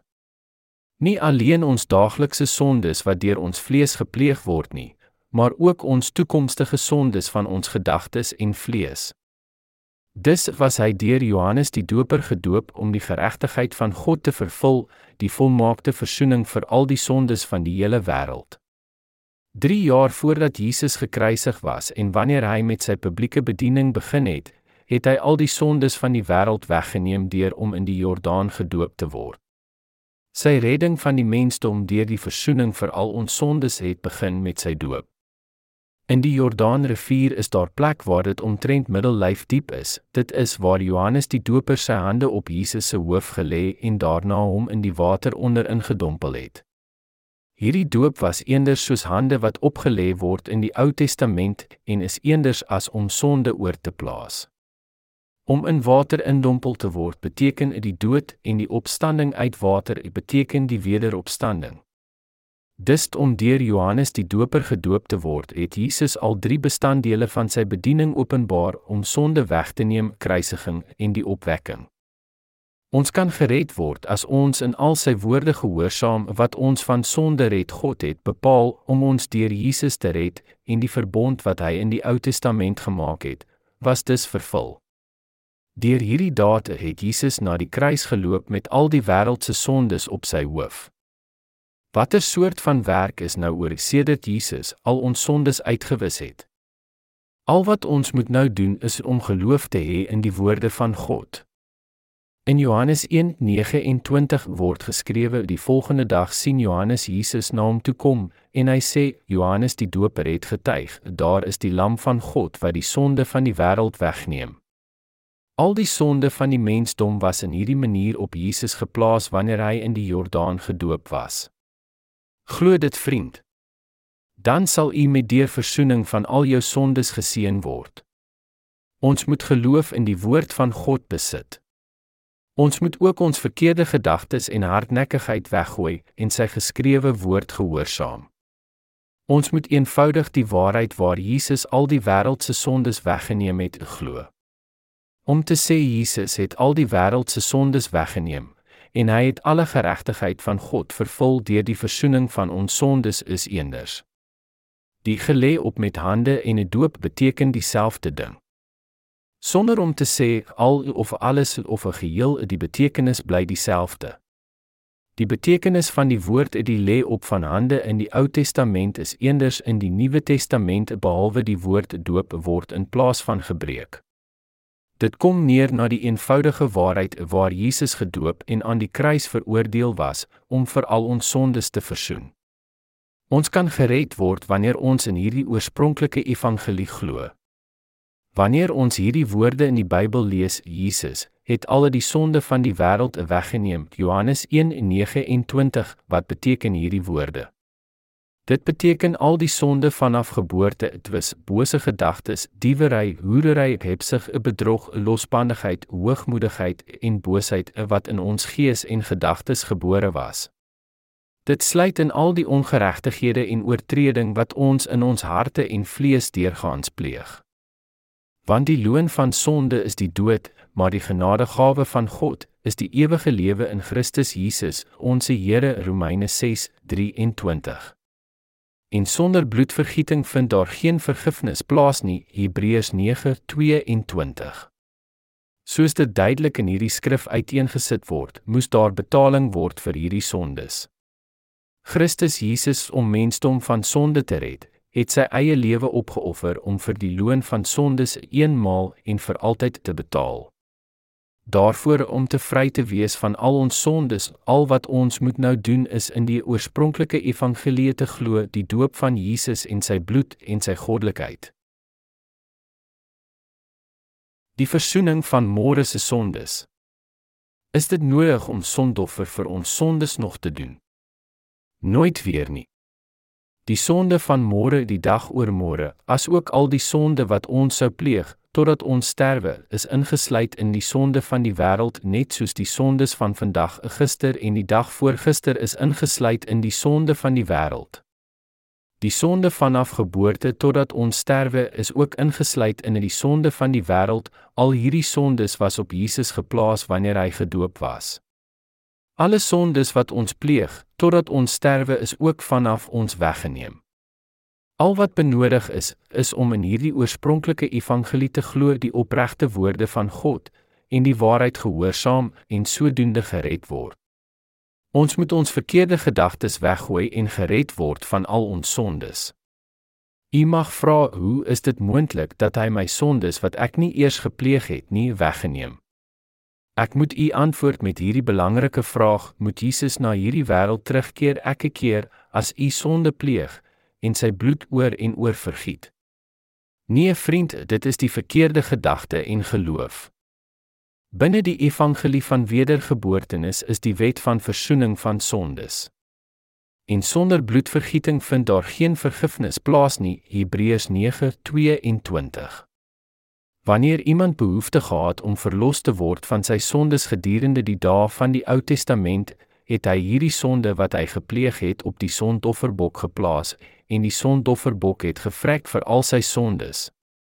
In dieselfde manier het die seun van God na ons wêreld gekom om mensdom te red. Hy was gedoop om al die sondes weg te neem en aan die kruis sy bloed vergiet waar hy gesterwe het om vir die loon van sondes te betaal en net voor sy sterwe het hy hardop gesê dit is volbring was na 3 dae opgewek van die dood en sit nou op die regterkant van God Dis vriende het hy ons heiland verlosser geword vir ewig Prys sy naam Om volmaak van al ons sondes te word, moet ons van al ons verkeerde vasgestelde denkbeeldige gedagtes, asook ons godsdienstige leerstellings of dogmas wat oor die jare opgestapel is, waar daaglikse belydenisse gebede deurgaans opgeoffer word vir sonde wat gepleeg word.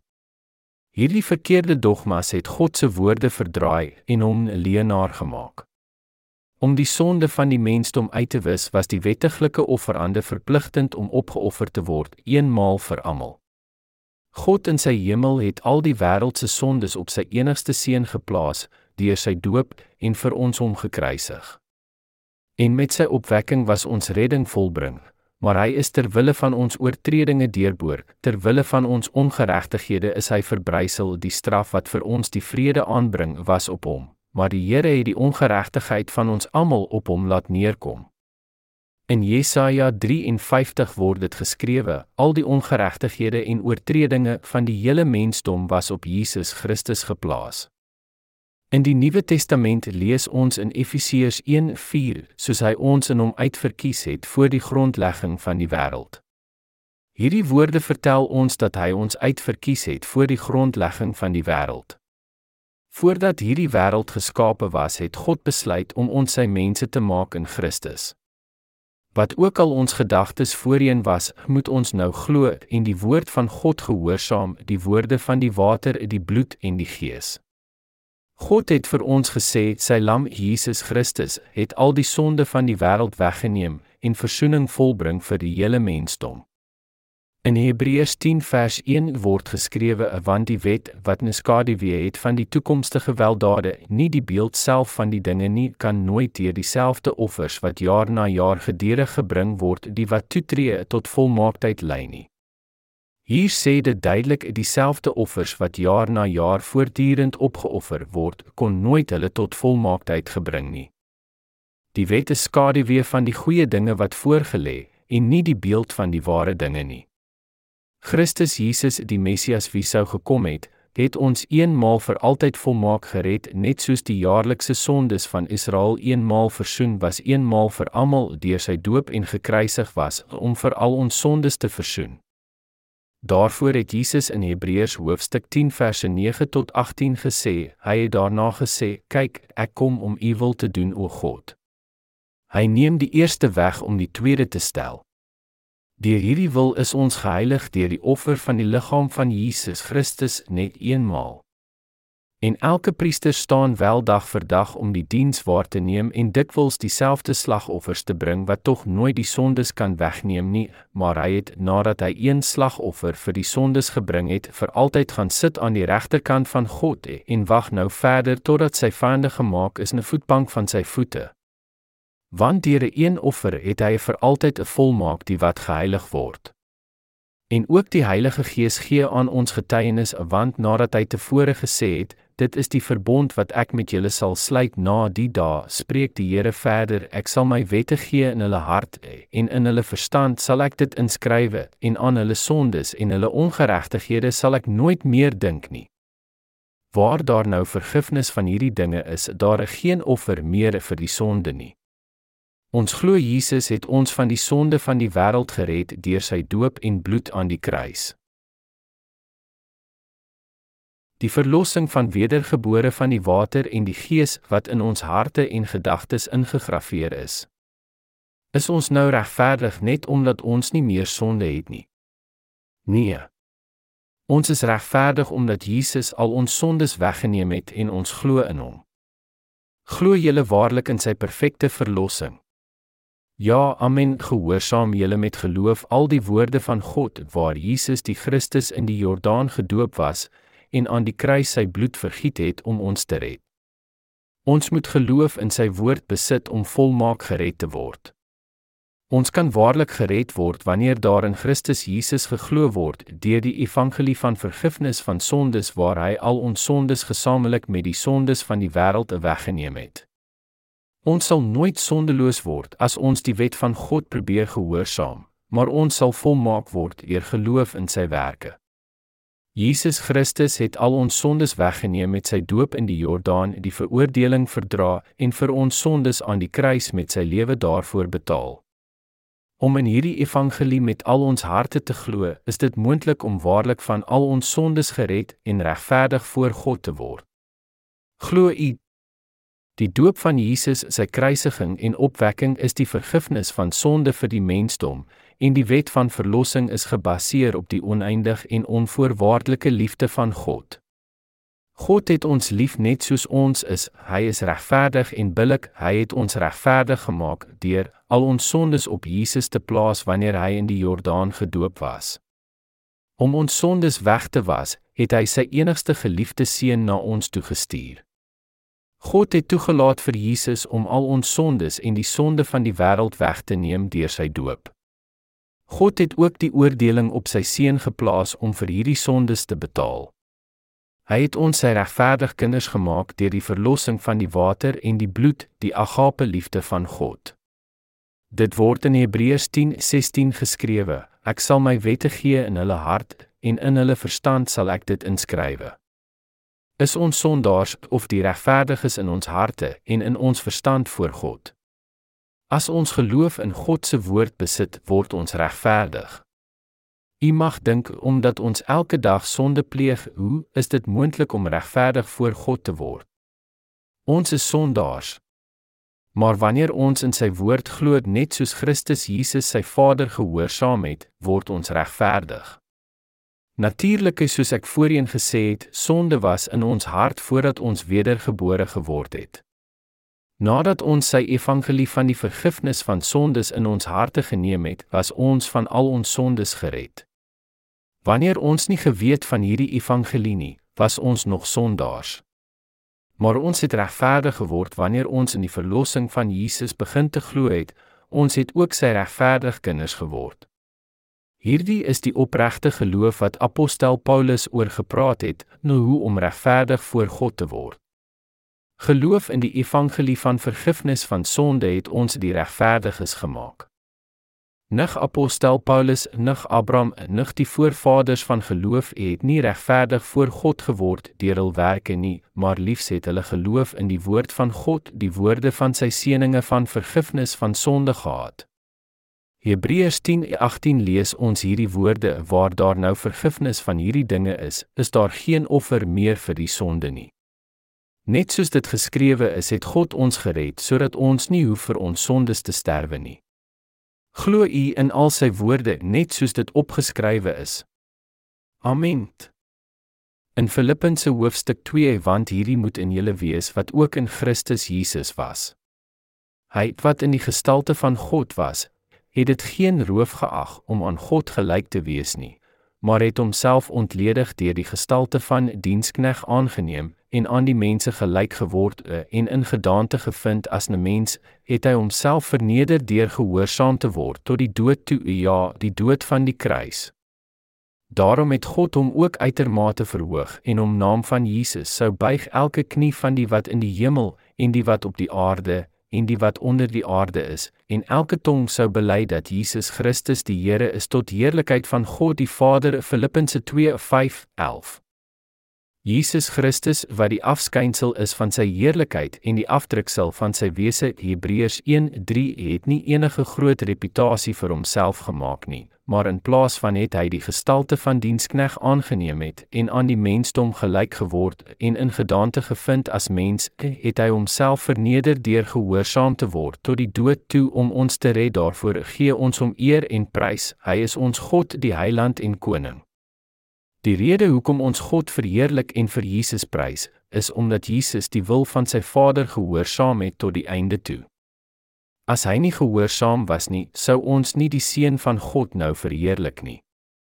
Maar omdat die seun van God die wil van sy Vader gehoorsaam tot die dood toe, is die skepping en al mense op die aarde in staat om hom te verheerlik en sal dit vir ewig doen.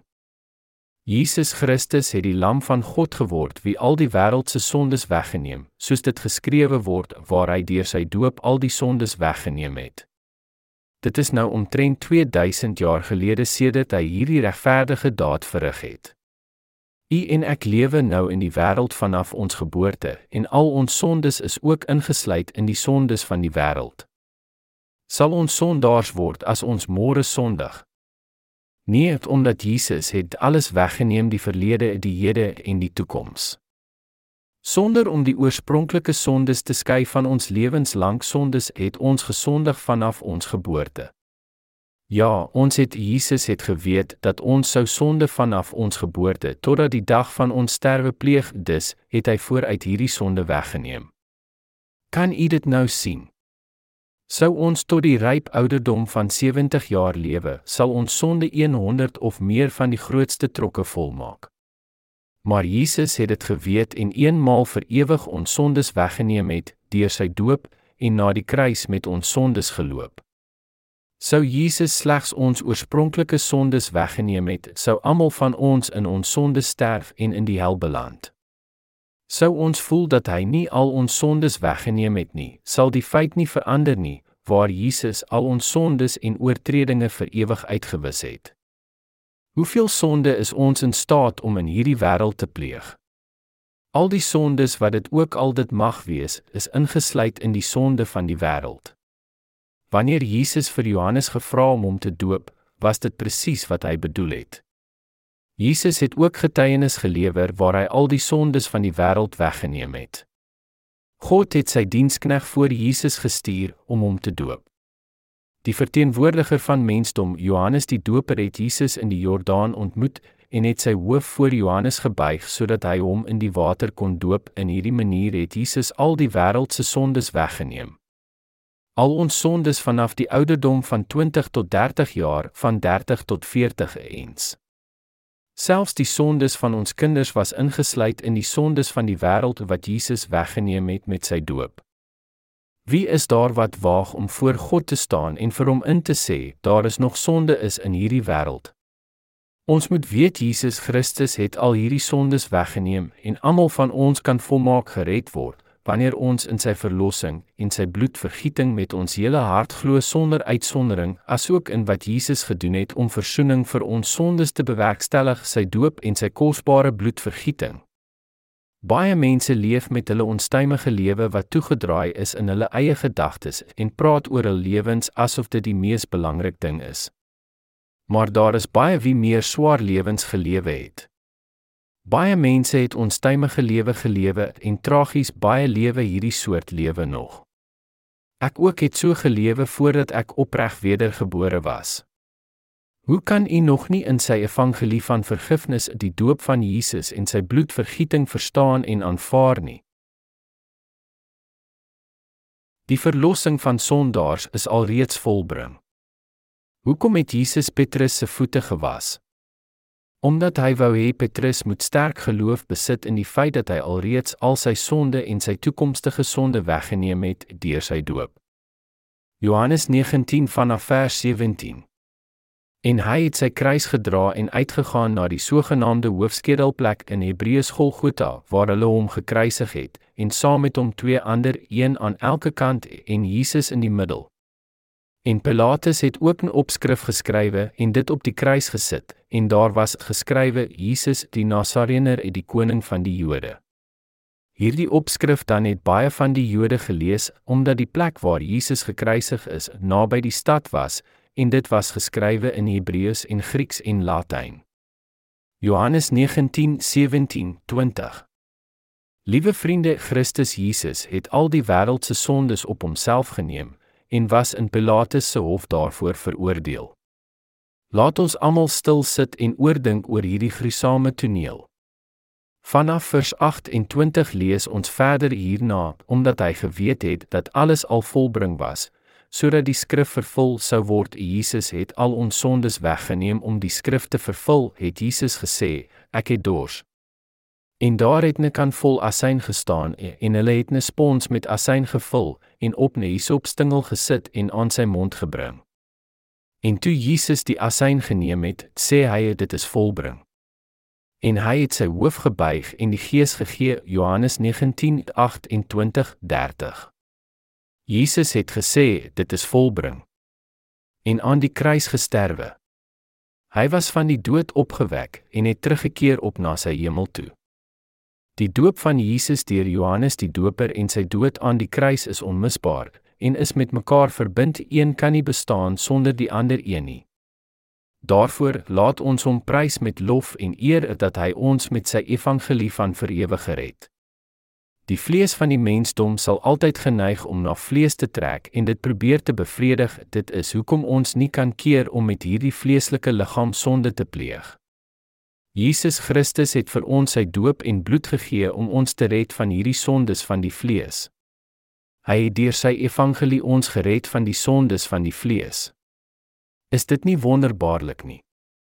Diegene wie volmaakte vergifnis van sonde ontvang het, sal in die koninkryk van die hemel toegelaat word. Enige persoon kan dit ontvang wie in Jesus sal glo, wie in Bethlehem gebore was en wie in die Jordaan gedoop was en aan die kruis gesterf het en opgewek van die dood. Ons prys die Here en verheerlik sy naam vir ewig en vir ewig.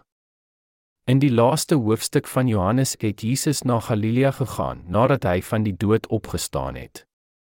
Hy het na Petrus gekom en vir hom gesê: "Simon, seun van Jona, het jy my lief meer as hulle hier?" Hy antwoord hom: "Ja, Here, Here, U weet dat ek U liefhet." Hy sê vir hom: "Laat my lammers wei." Petrus het alles besef uit die evangelie van sy doop en sy bloed en die vergifnis van sonde.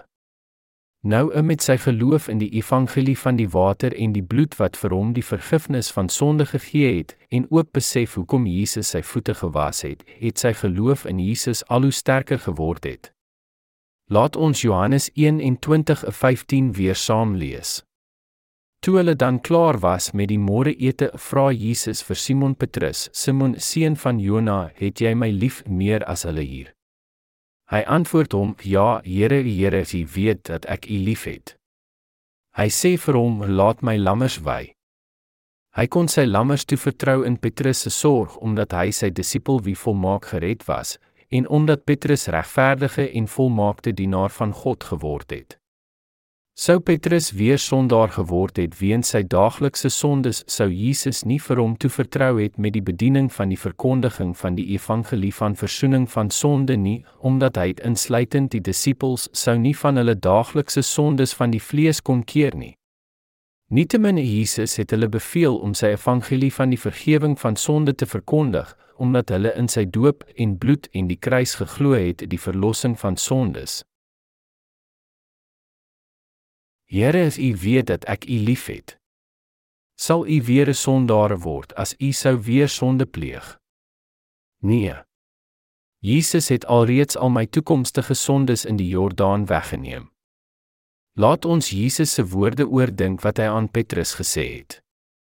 Simon seun van Jona, het jy my lief meer as hulle hier?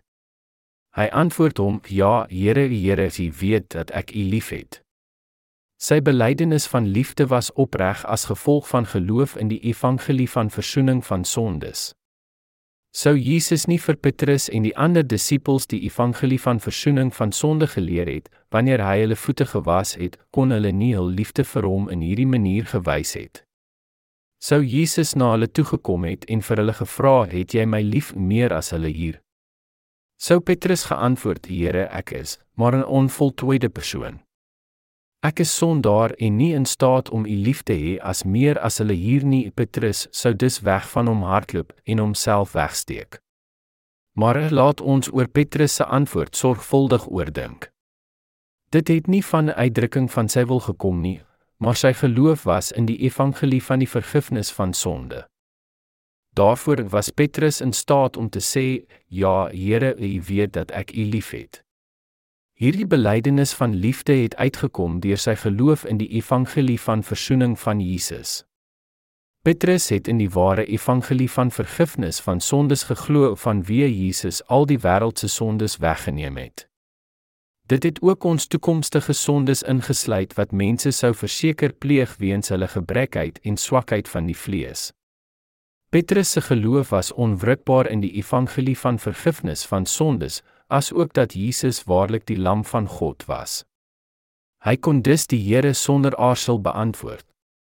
Die verlossing van Jesus het deur die evangelie van vergifnis van sondes gekom en dus kon Petrus gered word van sy daaglikse sonde. Is u soos Petrus?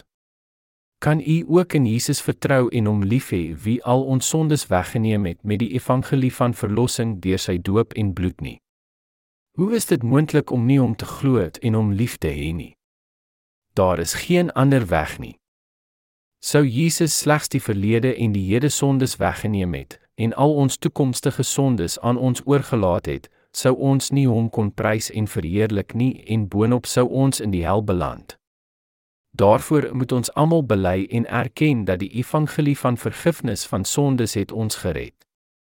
Die vlees het altyd neiging na sonde toe, dis pleeg ons sonde deurgaans. Daarvoor moet ons almal erken om in die evangelie van oorvloedige verzoening van sondes te glo wat Jesus aan ons gegee het en die evangelie van die doop en bloed van Jesus het ons volmaak gered. Die vlees sal altyd geneig om sonde te pleeg en daarom pleeg ons sonde. Daarvoor moet ons erken om in die evangelie van oorvloedige verzoening wat Jesus aan ons gegee het, die evangelie van die doop en bloed van Jesus, het ons gered. Sou ons nie in die evangelie vir verzoening van sonde ingeglo het nie, wat die doop en bloed van Jesus is, sou geen gelowige van sy lewenslank sondes gered geword het nie en boonop sou ons verlos gewees het van al ons leeflank sondes by om belydenisgebede te bid, sou ons waarskynlik te traag gewees het om regverdig te bly en gevolglik vir altyd sonde in ons harte het. As dit die geval was, sou ons weer terugdraai na sondaar toe en nie vir Jesus lief hê of intiem met hom wil word nie. Dan sou ons nie in staat wees om in sy volmaakte verlossing te glo nie en hom volg tot die einde van ons dae nie. Jesus het aan ons die evangelie van vergifnis van sonde gegee en diegene wie glo, volmaak gered het. Hy het die perfekte heiland geword en al ons daaglikse oortredinge weggewas sodat ons verlief op hom kon raak. Ons die gelowiges kan nie keer om in die evangelie van die doop en die bloed van Jesus verlief te raak nie, die vergifnis van al ons sondes. Al die gelowiges kan Jesus vir ewig lief hê en gevange word met die liefde van verlossing deur die evangelie van die vergifnis van sonde wat Jesus vir ons gegee het. Geagte gelowige, sou Jesus slegs 'n klein bietjie sonde oorgelaat het, sou ons nie in hom kon glo nie en ook nie sy getuienisse van hierdie evangelie kon verkondig nie. As ook nie in staat om sy dienaar in hierdie wêreld wil wees nie. Maar as u in die evangelie van vergifnis van sonde glo, kan u volmaak gered word van al u sondes. Hy gee toe om van al u sondes gered te word wanneer u die ware evangelie van vergifnis van sonde besef, soos in die woord geskrewe word. Het jy my waarlik lief meer as hulle hier? Wat het ons gemaak om hom meer as enige ander liefgehad? Sy liefde vir ons deur sy doop het al ons sondes weggewas, self ons toekomstige sondes. God het sy lammers in die sorg van sy dienaars toevertrou, wie volkome in sy evangelie van vergifnis van sonde geglo het. Jesus het 3 keer gevra Simon, seun van Jona, het jy my lief meer as hulle hier? En Petrus het elke keer geantwoord: Ja, Here, Here, U weet dat ek U liefhet. Laat ons oor hierdie antwoorde oordink. Ons kan duidelik sien dat dit nie uitdrukking van sy wil was nie, maar wel sy geloof in die evangelie van volmaakte vergifnis van sondes. Wanneer ons verlief is op iemand en hierdie liefde is gebaseer slegs op die wil, sal ons stamel en struikel wanneer ons verswak en dit sal nie vir ewig hou nie. Maar as hierdie liefde afhang op die krag van God se liefde, sal dit vir ewig hou. Die liefde van God, die oorvloedige verzoening van al ons sondes, die verlossing van die water van die doop van Jesus en die Gees is soortgelyks. Ons geloof in die evangelie van die vergifnis van sondes moet die fondasie word vir ons liefde en werke vir die Here. As ons net hom met ons wil liefgehad het, sal ons binnekort struikel en in die einde onsself begin te haat vir al die oortredinge wat ons daagliks pleeg. Maar Jesus het al hierdie sondes weggewas, die hede sonde, daaglikse sondes en van die verlede, al die sondes van môre en oormôre en al die sonde dwars deur ons hele lewens. Hy het geen enkele een uitgelaat van sy verlossing nie. Al die woorde is die waarheid. As ons liefde en gelowe afgehang het van ons wil en resolusies, sou ons lankal kort gekom het met ons geloof. Maar omdat ons liefde en gelowe afhang op die evangelie van vergifnis van sonde wat Jesus vir ons gegee het, is ons alreeds sy kinders die regverdiges. Sedert ons in die verlossing van die water en die Gees glo, is ons sondeloos. Weens die feit dat ons verlossing na ons toegekom nie in vorm van ons eie goddelikheid nie, maar slegs vanaf die liefde van God en sy wet van waarlike vergifnis van sondes is ons regverdig ongeag hoe onvolledig of swak ons is in die lewe. Ons sal in die koninkryk van hemel toegelaat word en sal hom prys deur alle ewigheid. Glo u dit ook? 1 Johannes 4:10 verklaar hierin is die liefde in nie dat ons God liefgehad het en sy seun gestuur het as verzoening vir ons sondes. Jesus het ons gered deur die water en die Gees, dus moet ons geloof in die evangelie van vergifnis, die doop van Jesus en sy bloed besit. Sou God nie ons met sy evangelie gered het nie, kon ons nooit gered word nie, al hoe ywerig ons geglo het. Maar Jesus het al ons sondes van die vlees en wat ons harte pleeg weggewas. Om regverdig voor God te word, moet ons verseker wees van ons verlossing deur geloof in die woorde van die water en die Gees, die evangelie van verzoening. Die evangelie van vergifnis is saamgestel in die doop van Jesus en sy bloed. Die evangelie van vergifnis is die voldoening van ware geloof en die ware fondasie van verlossing, asook die sleutel om toegang in die koninkryk van God te verkry. Ons moet valse geloof van ons wil weggooi. Waarheen kom ware geloof vandaan? Dit kom vanaf die liefde van die Here, wie alreeds al ons toekomstige sondes weggeneem. Die geloof en liefde wat uit mense wil gebore is, is nie ware liefde of ware geloof nie. Daar is baie in hierdie wêreld wie eerstens in Jesus geglo het met menslike wil, maar later het hulle dit heeltemal verlaat omrede die lyding van sonde in hulle harte. Maar ons moet nou besef dat Jesus al ons sondes weggeneem, nie net onbeduidende oortredinge nie, maar ook sonde wat deur onkundigheid gepleeg word. In Johannes 13 het hy sy disippels geleer hoe alomhelsing en ewigdurend sy evangelie was wanneer hy hulle byeengeroep het net voordat hy gekruisig was. Terwyl hulle op maaltyd was, het hy opgestaan en hulle voete gewas om die waarheid van sy oorvloedige verlossing in hulle harte ingegrafieer. Ons moet ook weet en glo in die evangelie van vergifnis wat Jesus vir sy disippels geleer het terwyl hy hulle voete gewas het. Maar Petrus het op eerste slag geweier vir Jesus om sy voete te was en vir hom gesê: "U sal my voete in der ewigheid nie was nie." Dit was 'n uitdrukking van geloof gebore uit sy eie wil. Maar Jesus het hom antwoord: "Wat ek doen, begryp jy nou nie, maar jy sal dit hierna verstaan." Met die evangelie van die water en die gees is ons nou in staat om al die woorde van die Bybel wat voorheen bo oor ons kom gegaan het te verstaan.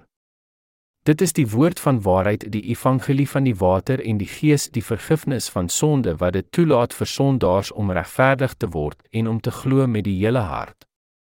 Petrus het in die see van Tiberias saam met die disippels gaan visvang net soos hulle voorheen gedoen het en voordat hulle Jesus ontmoet het. Terwyl hulle besig was om te vis, het Jesus op die strand verskyn en het na hulle uitgeroep. Toe hulle geland het, sien hulle op die grond gebraaide vis en brood vir oggendete. Terwyl hulle daar rond gesit en geëet het, het Petrus begin besef die betekenis van Jesus se woorde wat hy voorheen vir hom gesê het. Wat ek doen, begryp jy nou nie, maar jy sal dit hierna verstaan. Hy het uiteindelik besef wat Jesus eintlik bedoel het met die was van sy voete. Die Here het al my sondes weggeneem. Nou verstaan ek heeltemal al die sondes wat ek in die vlees pleeg weens die swakhede van my vlees, asook al die sondes wat ek in die toekoms sal ook pleeg, is ook weggeneem. Petrus het die geloof wat uit sy eie wil en vasberadenheid gebore weggegooi en van daardie oomblik het begin vas staan op die doop en die bloed van Jesus, die evangelie van die vergifnis van sondes. Na ontbyt het Jesus vir die Petrus gevra: "Het jy my waarlik lief meer as hulle hier?" Versterk nou in die liefde van Jesus, het Petrus voor hom erken. Ja, Here, U weet dat ek U liefhet. Petrus was nou in staat vir Jesus hierdie vraag te beantwoord, omdat die waarheid in hom waar geword het, en hy het verstaan, asook sy woorde aan hom, jy sal dit hierna verstaan. Hy was nou in staat om sy ware geloof, die geloof in die doop en bloed van Jesus, die evangelie van vergifnis van sondes te verkondig. Daarna het hy waarlik dienaar van God geword. Na hierdie diep ervaring met Jesus kon Petrus en die disippels hierdie evangelie met krag verkondig tot die dag wanneer hulle gesterwe het. Selfs Paulus wie voorheen die Christene uitgesoek en gemartel het, het oor die einste evangelie getuig toe hy deur swaar tye gegaan het gedurende die Romeinse besetting. Hoe kan u ware dienaar van God word? Om in sy ewige verzoening vir al ons sondes te glo. Tussen die 12 disippels van Jesus was dit Judas wie Jesus verraai en later selfmoord gepleeg het. Die apostel Paulus het sy plek ingeneem.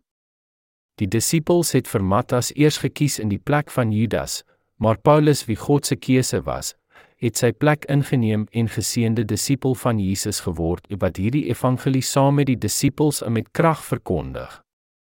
Meeste van Jesus se disippels het as martelaars gesterwe.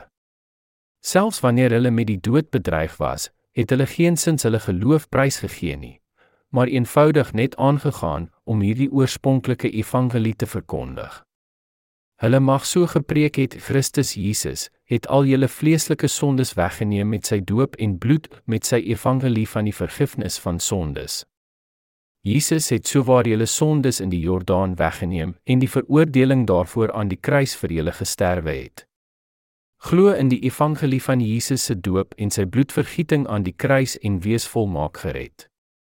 Baie mense het hierdie oorspronklike evangelie gehoor wat deur die disippels verkondig was, en baie was waarlik wedergebore as gevolg van hulle kragtige getuienis. Dit was gevolg van die krag van hulle geloof in die evangelie van die doop van Jesus, sy bloed en die gees. Die disippels het hierdie evangelie van die water en die gees verkondig: Jesus is God en die Heiland. Omdat hulle so oortuigend hierdie evangelie van die water en die gees verkondig het, is u nou in staat van al jou sondes gered te word.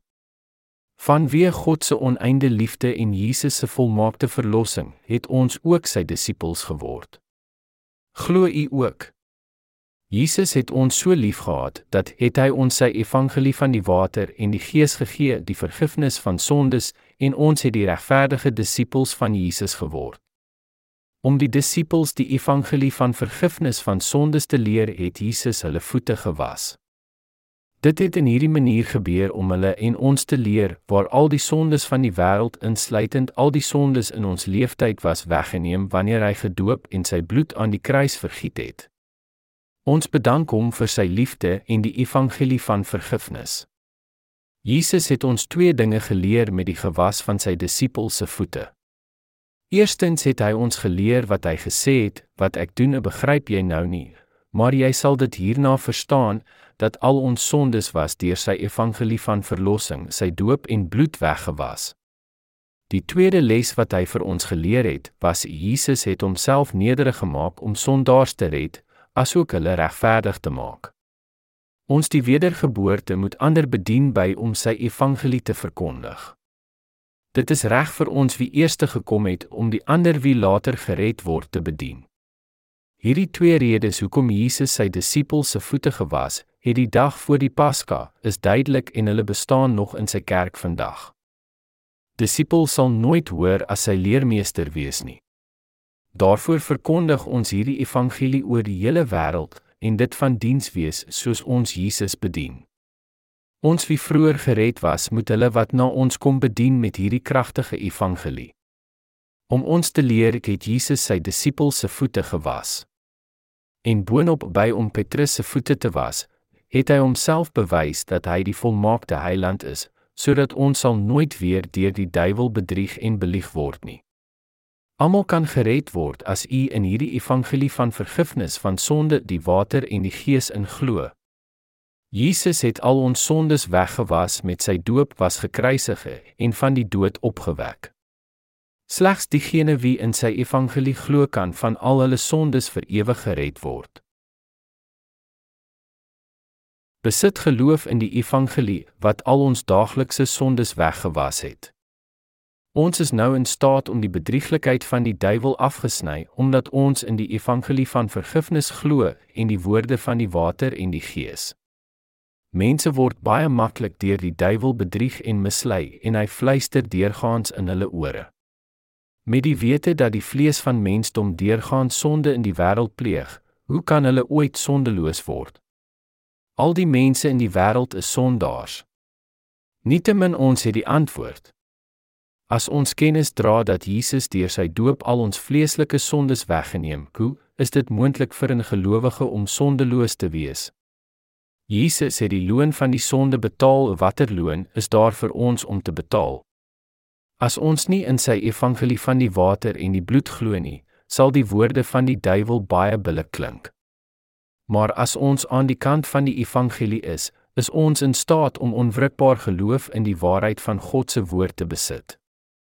Ons moet geloof in hierdie evangelie van die water en die bloed besit.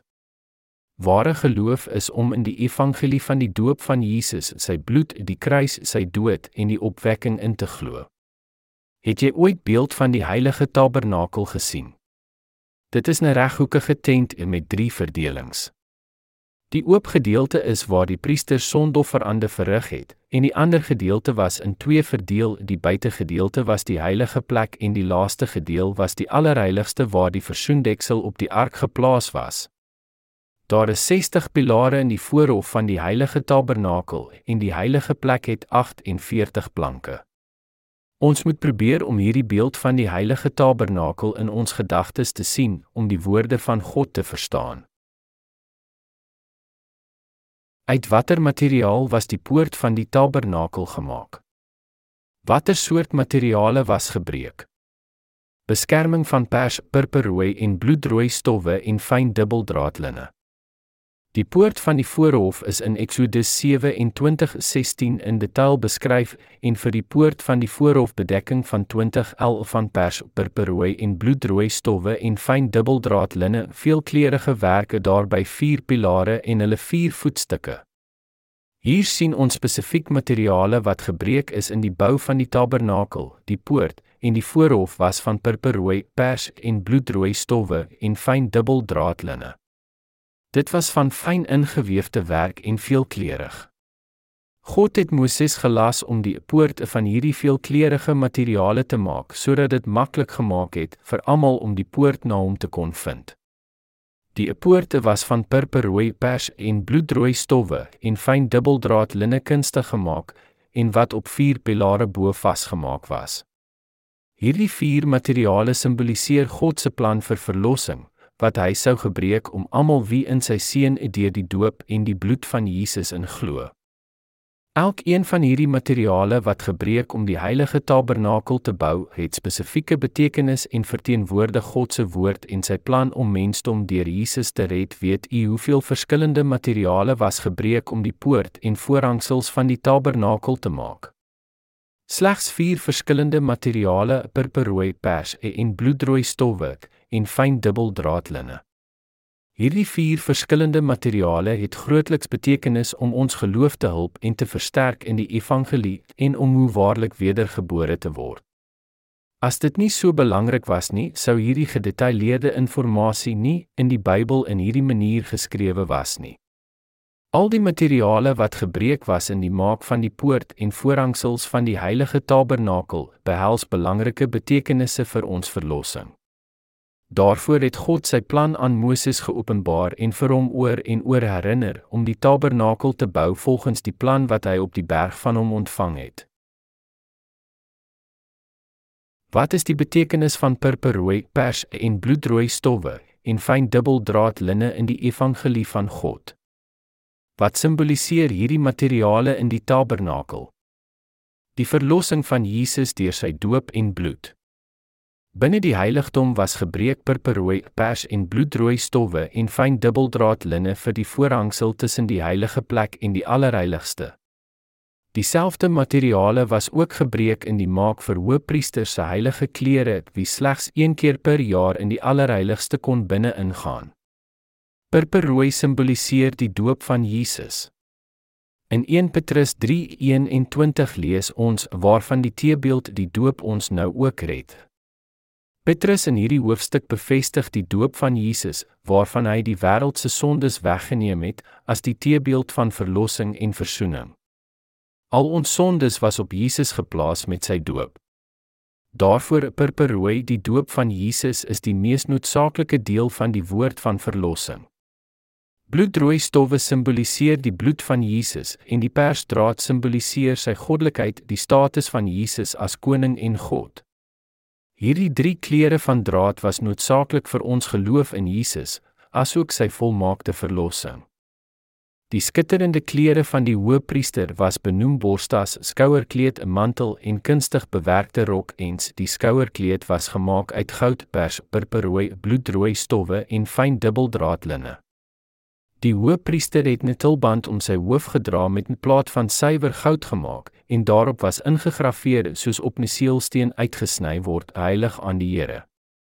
Hierdie plaat was aan die tulband met purperrooi draad was geheg. Die waarheid verteenwoordig in die purperrooi draad. Wat simboliseer purperrooi draad? Die doop van Jesus. Ek het sorgvuldig deur die Bybel gaan kyk om uit te vind wat hierdie kleur eintlik beteken en wat die bedoelings daarby is. Wat sê die Bybel oor die kleur purperrooi? Ons moet verstaan wat hierdie purperrooi draad beteken tussen die pers en bloedrooi stowwe en fyn dubbeldraadlinne. Purperrooi verteenwoordig die water, die doop van Jesus. Christus Jesus was deur Johannes die Doper in die Jordaan gedoop en sodoende al die wêreld se sondes weggeneem, Matteus 3:15. Sou Jesus nie die wêreld se sondes deur sy doop weggeneem het nie, kon ons nooit regverdig en geheilig voor God word nie. Daarvoor was Jesus Christus verplig om na die wêreld te kom en voordat hy sy bediening begin het, het hy na die Jordaan geloop om deur Johannes die Doper gedoop te word om al die wêreld se sondes weggeneem. Die rede hoekom die purperrooi draad in die ingangspoort van die heilige tabernakel was, was omdat ons kon nooit geheilig word sonder die doop van Jesus nie. Bloedrooi stowwe verteenwoordig sy bloed, die dood van Jesus. Pers verwys na Jesus, die drie enige God, dus Jesus se status, enigste heerser, die koning van konings en die Here van Here 1 Timoteus 6:15. Die waarheid in die bloedrooi stowwe simboliseer die bloed van Christus, wie sy bloed aan die kruis vergiet het om vir die loon van mensdom se sonde te betaal. Jesus Christus het in die vlees na ons wêreld gekom om die mensdom se sondes op homself te neem wanneer hy gedoop was en die volle prys daarvoor betaal toe hy aan die kruis gekruisig was. Die doop en die bloed van Jesus is die ware evangelie van verlossing wat deur hierdie verskillende kleure van draad van die heilige tabernakel oorgeprofeteer word. Die pilare van die tabernakel was uit akasiëhout gemaak, die voetstukke was van brons, silwerringe en kramme van silwer. Dit beteken sondaars was vir hulle sondes veroordeel want die loon van sonde is die dood. In die dae van die Ou Testament voordat iemand God se seëning kon ontvang en nuwe lewe begin, was hulle verplig om sondoffering te offer vir hulle sondes. Nietemin in die doop van Jesus in die Nuwe Testament wat die purperrooi draad van die heilige tabernakel verteenwoordig, het al ons sondes weggeneem. Jesus het al ons sondes na die kruis gedra, het sy bloed vergiet om daarvoor te betaal. Hy het almal gered wie in sy evangelie van vergifnis sou glo. Hy is die koning van konings en die heilige God. Geliefde Christen, die doop van Jesus was die verlossing van Jesus, wie ons gered het by om al ons sondes weg te neem. Jesus wie eintlik God is, het na hierdie wêreld neergedaal. Die persdraad was in die Jordaan gedoop om al die wêreld se sondes weg te neem en die sonde hom geneem. Die purperrooi draad was aan die kruis met al ons sondes gekruisig en daar sy bloed vergiet om die oordeling van ons sondes te betaal in plek van ons die bloedrooi stowwe. Die doop van Jesus leer vir ons sonder twyfel dat hy die waarlike heiland van die hele mensdom geword het. Ons kan dit ook in die verskillende kleure wat in die maak van die poort van die heilige tabernakel duidelik sien. Die ingeweefde borduurwerk wat in die fyn dubbeldraad linne van die poort ingewerk was, was van purperrooi draad, persdraad en bloedrooi stowwe. Dit was so om vir ons God se volmaakte verlossing te verkondig. Die fyn dubbeldraad linne beteken hy het ons almal van ons sondes gered sonder enige uitsondering. Dit was souwaar noodsaaklik vir die verlossing van verzoening. As ons hierdie skitterende borduurwerk noukeurig bekyk, asook die verskillende materiale in die maak van die poort en voorhangsels van die heilige tabernakel, sal dit helder word dat Christus Jesus nie ons sondaars net toevallig of willekeurig gered het nie, sonder dat daar goeie beplanning was in die hemel. Jesus het God se sorgvuldige en gedetailleerde plan gehoorsaam en dit stiptelik deurgevolg. Hy was gedoop en aan die kruis gekruisig en van die dood opgewek om die redding van die mensdom te volbring. Met die purperrooi pers en bloedrooi stowwe die belangrikste materiale van die evangelie van verlossing, het Jesus almal wie in sy evangelie glo volmaak gered. Die koperwaskom van die Ou Testament was skaduwee van die doop van die Nuwe Testament. Hoekom het die priesters hulle hande en voete skoon gewas voordat hulle die allerheiligste genader het? Omdat hulle voor God moet staan sonder enige sonde. Die koper waskom was uit brons gemaak. Brons verteenwoordig die veroordeling wat Jesus vir ons gelei het. Die koper waskom simboliseer die woord van sy evangelie wat vir ons vertel dat ons sondes weggeneem was. Dit wys hoe al daaglikse sondes weggewas was. Die mensdom se daaglikse sondes kan ook met geloof weggewas word om in die woorde van Jesus se doop te glo. Die brandofferaltaar verteenwoordig die veroordeling. Die water van Jesus purperrooi is die evangelie van die verzoening van sondes, die doop van Jesus deur Johannes die Doper, Matteus 3:15, 1 Johannes 5:15. Dit is die woord van getuienis van die evangelie van verlossing deur verzoening. In 1 Johannes 5 word daar geskrywe want alles wat uit God gebore is, oorwin die wêreld en dit is die oorwinning wat die wêreld oorwin het, naamlik ons geloof.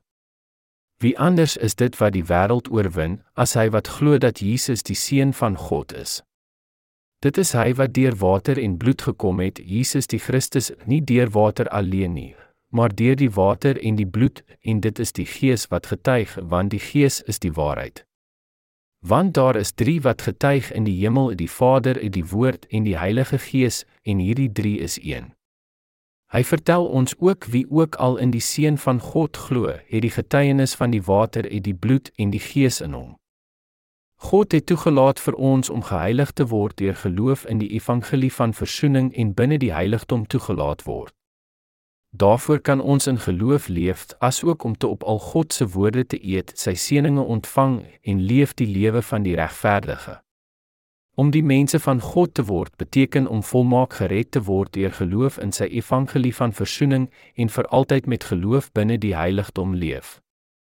Hedendaags is daar baie Christene wat sê dit is genoeg om net te glo sonder om kennis te dra van die betekenis in die purperrooi draad, persdraad en bloedrooi stowwe, die poort en voorhangsels van die heilige tabernakel. As daar slegs net in Jesus geglo word sonder om kennis te dra van hierdie belangrike dinge in die Bybel, sal hulle geloof nie opreg wees nie omdat daar nog sonde in hulle harte is. Sulke mense het nog sonde in hulle harte omdat hulle betwyfel die waarheid van hoe om gered te word deur die evangelie van verzoening, die water, die bloed en die gees. Hulle glo slegs in wat hulle wil glo en wat deurgaans opgedis word deur die vyande van God en bevraag die woorde van God. As persoon gevra om iemand wie hulle nog nooit ontmoet het nie te beoordeel en om die luisteraar te bevredig, sê die persoon: "Ja, ek glo wat hierdie persoon gesê het." Natuurlik het ek hom nooit ontmoet nie, maar ek glo hom nogtans. Dink u die luisteraar sal bevredig wees om dit te hoor? Miskien sal sommige hulle in hierdie menslike manier gedra, maar hierdie is nie die soort vertroue wat God van ons wil hê nie. God wil hê dat ons in sy evangelie van die vergifnis van sondes glo, die verlossing van Jesus deur die purperrooi draad, die doop van Jesus, pers sy goddelikheid en die bloedrooi stowwe, die bloed van Jesus. Daarom is dit van uiterste belang dat ons weet voordat daar geloof in Jesus geplaas word, hoe hy ons van al ons sondes gered het. Wanneer ons in Jesus glo, moet ons kennis dra van hoe hy van al ons sondes gered het, deur die water, die doop van Jesus, die bloed, sy dood en die Gees Jesus wie eintlik God is. Wanneer ons deeglik verstaan, sal ons volmaakte geloof ondervind.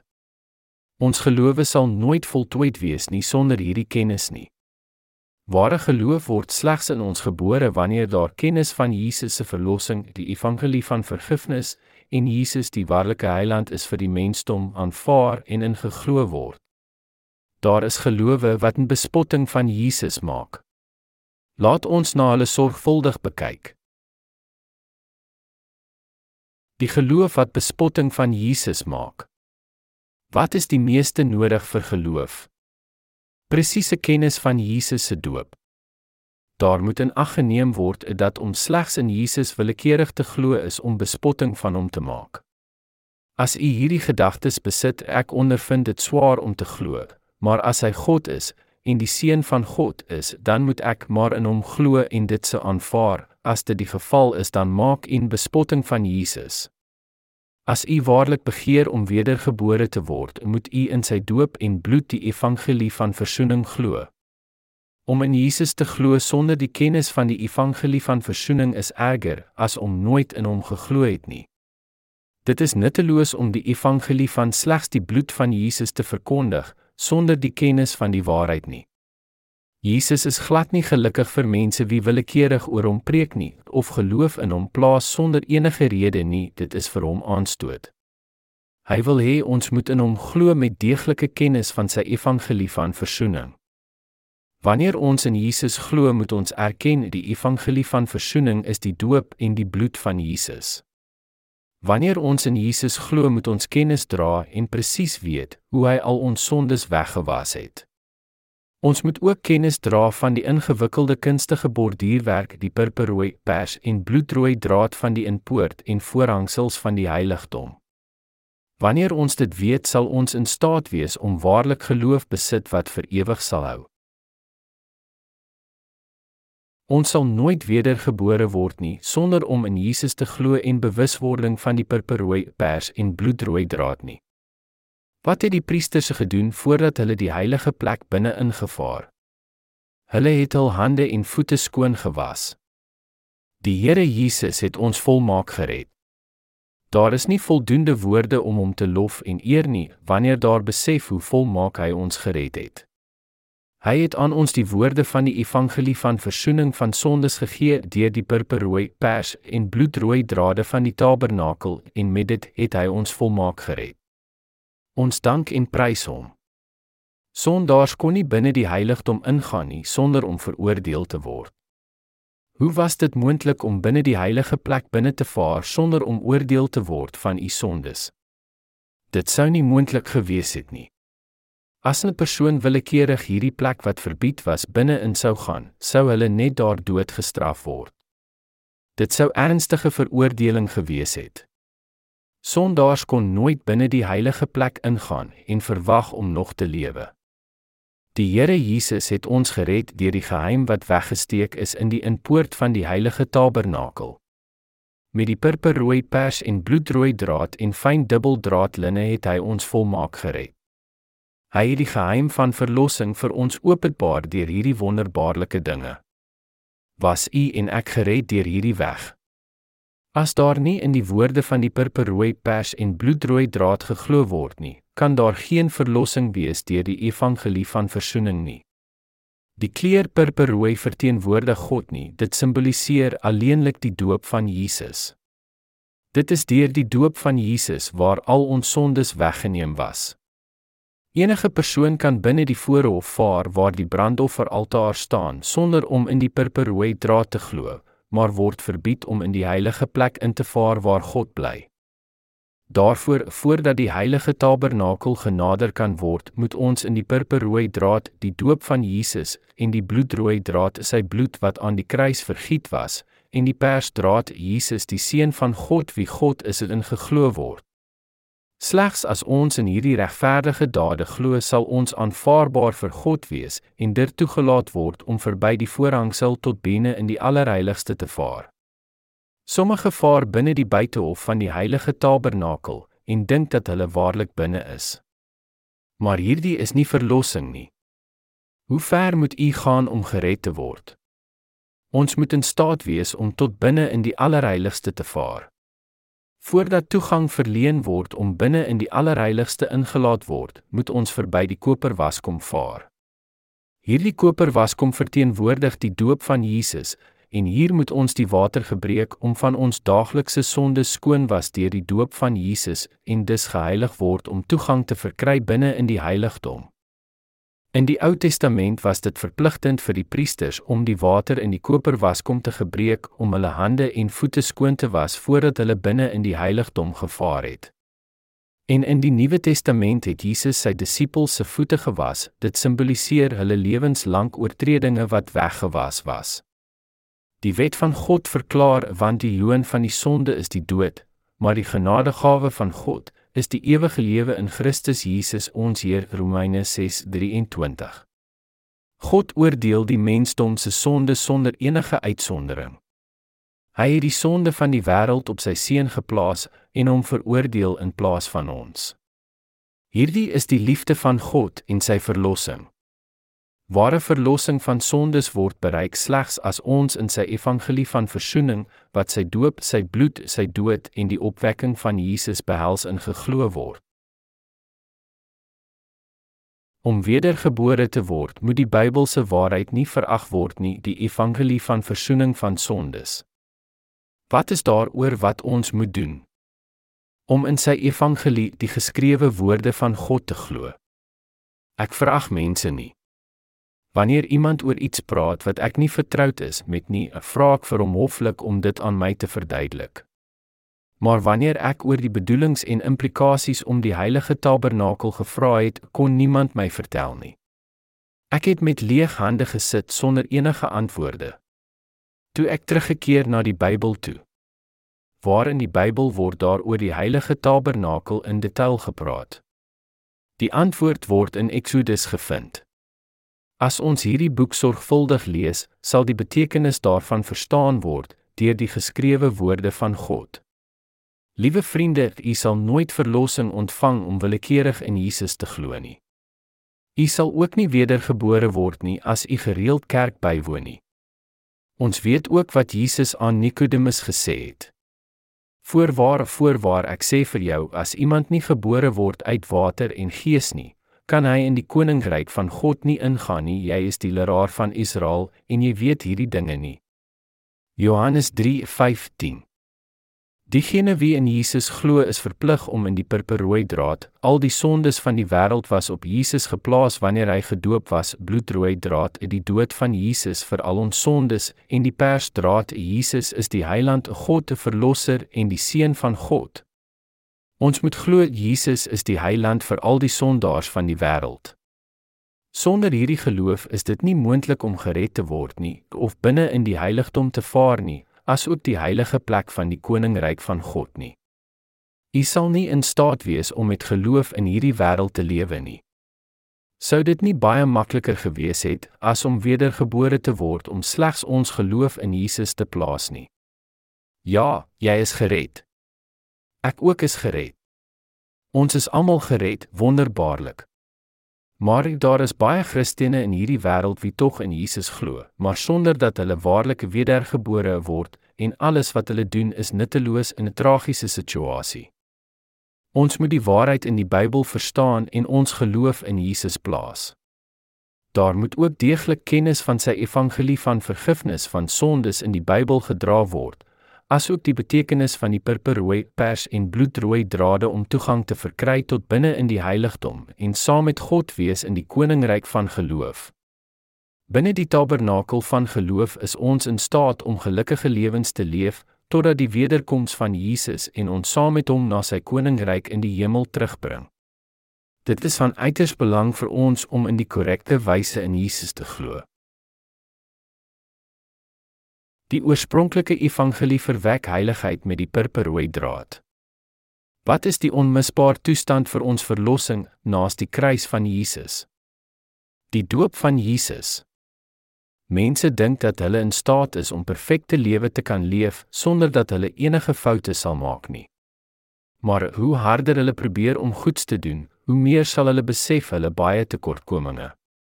Mensdom is onvolmaak en dit is hoogs onmoontlik vir diegene om nie sonde te pleeg nie. Nietemin omdat Jesus ons volmaak gered het deur die purperrooi pers en bloedrooi draad, die evangelie van verzoening, kan ons geheilig word en toegelaat word om binne in die allerheiligste te vaar. Sou God nie ons met die purperrooi pers en bloedrooi draad gered en geheilig het nie, sou ons nooit toegelaat word om binne in die heiligdom te vaar nie. Wat is die rede? Sou slegs diegene wie perfekte lewens geleef het, toegelaat geword het om binne in die heilige plek te vaar, sou niemand gekwalifiseer nie. Wanneer iemand in Jesus glo sonder die wete van die ware evangelie nie word sonde vermeerder in hulle harte. Jesus het ons met sy sorgvuldige plan van verlossing gered, die verlossing van die purperrooi pers en bloedrooi draad en dubbeldraadlinne. Hy het al ons sondes weggewas. Glo u in dit? Ja. Besit u die waarheid van die evangelie van vergifnis in u hart en dra u getuienis daarvan? Ja. Slegs wanneer u getuienis van sy evangelie in u hart dra, sal u toegelaat word om die goue plaat op u voorhoof te dra wat sê heilig aan die Here en u sal saam met die koninklike priesterdom 1 Petrus 2:9 aansluit. Eers dan sal u in staat wees om voor die mense te staan en vir hulle te getuig dat u waarlik dienaar van God is en werk as koninklike priester. Die tulband van die hoëpriester het vlekvry goue plaat wat aan die tulband met purperrooi draad vasgeheg was. Hoekom purperrooi en nie 'n ander kleur nie? Omdat Jesus ons volmaak gered het met die evangelie van vergifnis en al ons sondes weggeneem en ons geheilig deur sy doop. Die doop van Jesus in die Nuwe Testament is gelykstaande na die gelê van hande in die Ou Testament. Nietemin hoe ywerig en vertroulik daarin Jesus geglo word, sal u nie in staat wees om die goue plaat wat gegrif is heilig aan die Here te verdien nie, sonder om erkenning van die geheim wat in die woorde van die purperrooi pers en bloedrooi draad gegee en ingeglo word nie. Hoe het ons regverdig geword? Dit word in Matteus 3:15 geskrewe: Laat dit nou toe, want sopas dit ons om alle geregtighede te vervul. Jesus was in die Jordaan gedoop en ons van al die wêreld se sondes gered het. Deur sy doop het hy al ons sondes weggeneem en ons die gelowiges is nou regverdig gemaak. Hoe durf ons te getuig dat ons geen sonde het nie as daar nie die doop van Jesus in hierdie manier geglo word nie? Selfs as ons in Jesus glo en uitroep slegs in sy bloed aan die kruis, sal al die trane in die wêreld beslis nie ons sondes wegwas nie. Dit maak nie saak hoeveel trane gestort word met belydenisgebede nie, sonde sal steeds in u hart vasklou. Heilig aan die Here.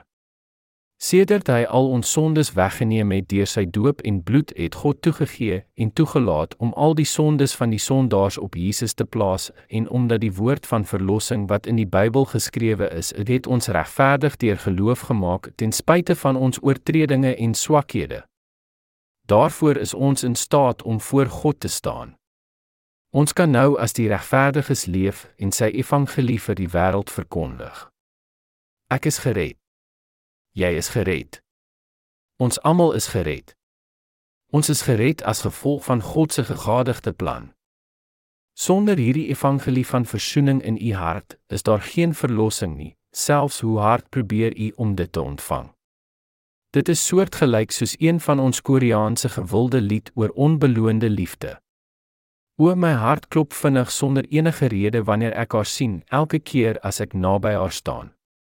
Dit moet onbeloonde liefde wees. My hart klop vinnig, maar haar hart klop stadig. My liefde aan haar word nie terug na my gegee nie. Ongelukkig is daar baie Christene deur die wêreld wat hierdie selfde onbeloonde liefde teenoor God besit. Mense in algemeen het die gedagte verlossing kom na hulle in baie verskillende maniere vir die verskillende mense in die wêreld. Hulle vra hoekom is dit verpligtend dat verlossing slegs deur sy evangelie van doop kom? Maar dit kon nooit 'n volmaakte verlossing wees nie as dit nie vir die evangelie van die doop van Jesus was nie. Dit is die enigste weg om voor God regverdig te word, omdat dit die enigste weg is om volmaak van al ons sondes te word. Wat is die verlossing van die purperrooi draad wat Jesus vir ons gegee het? Wat het ons regverdig gemaak? Die evangelie van die purperrooi pers en die bloedrooi stowwe. Die verlossing deur die evangelie van die purperrooi persdraad en bloedrooi stowwe is God se gawe vir die mensdom. Hierdie gawe het ons in staat gestel om binne in die heilige tabernakel te vaar, asook om in vrede te leef. Dit het ons regverdig gemaak en vir ons in staat gestel om binne in sy kerk te bly om opgelei te word deur God se heilige skrif. Wanneer ons voor God neerbuig en bid, seën hierdie evangelie ons met sy groote liefde. Dit is hoekom die verlossing so waardevol aan ons is. Jesus vertel ons om huis van geloof op die rots te bou. Die rots is die evangelie van sy doop. Ons moet almal gered word en met verlossing leef, hemel toe gaan, ewige lewe verdien en kinders van God word. Liewe vriende, omdat God vir ons hierdie evangelie van verzoening gegee het, is ons nou in staat met geloof tot binne in die heilige tabernakel te vaar. En omdat hy al ons sondes weggewas was, het deur die doop van Jesus, asook aan die kruis in plaas van ons veroordeel, is ons volmaak gered met geloof in die doop van Jesus. Die oorvloedige voorsiening vir al ons sondes, die doop en die bloed van Jesus is die evangelie wat al ons sondes weggewas het. Glo u Die ware evangelie is die hemelse evangelie van verzoening wat ons sondes weggeneem het. Ons is wedergebore omdat ons glo in die evangelie van verzoening. Jesus het aan ons hierdie evangelie van verzoening gegee wat al ons daaglikse sondes wegneem, selfs ons toekomstige sondes. Pryse die Here. Halleluja. Die evangelie van die water en die gees, die evangelie van die water en die bloed, is die ware evangelie wat tot stand gebring is en deur Christus Jesus verkondig was. Hierdie boek was geskrywe om die geheim van die evangelie van Jesus, die evangelie van die water en die gees te openbaar.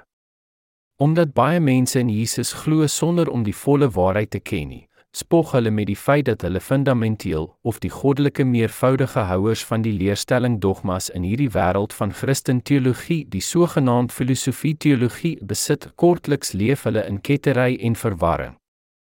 Daarvoor moet ons na die oorspronklike evangelie terugkeer. Dit is nog nie te laat nie.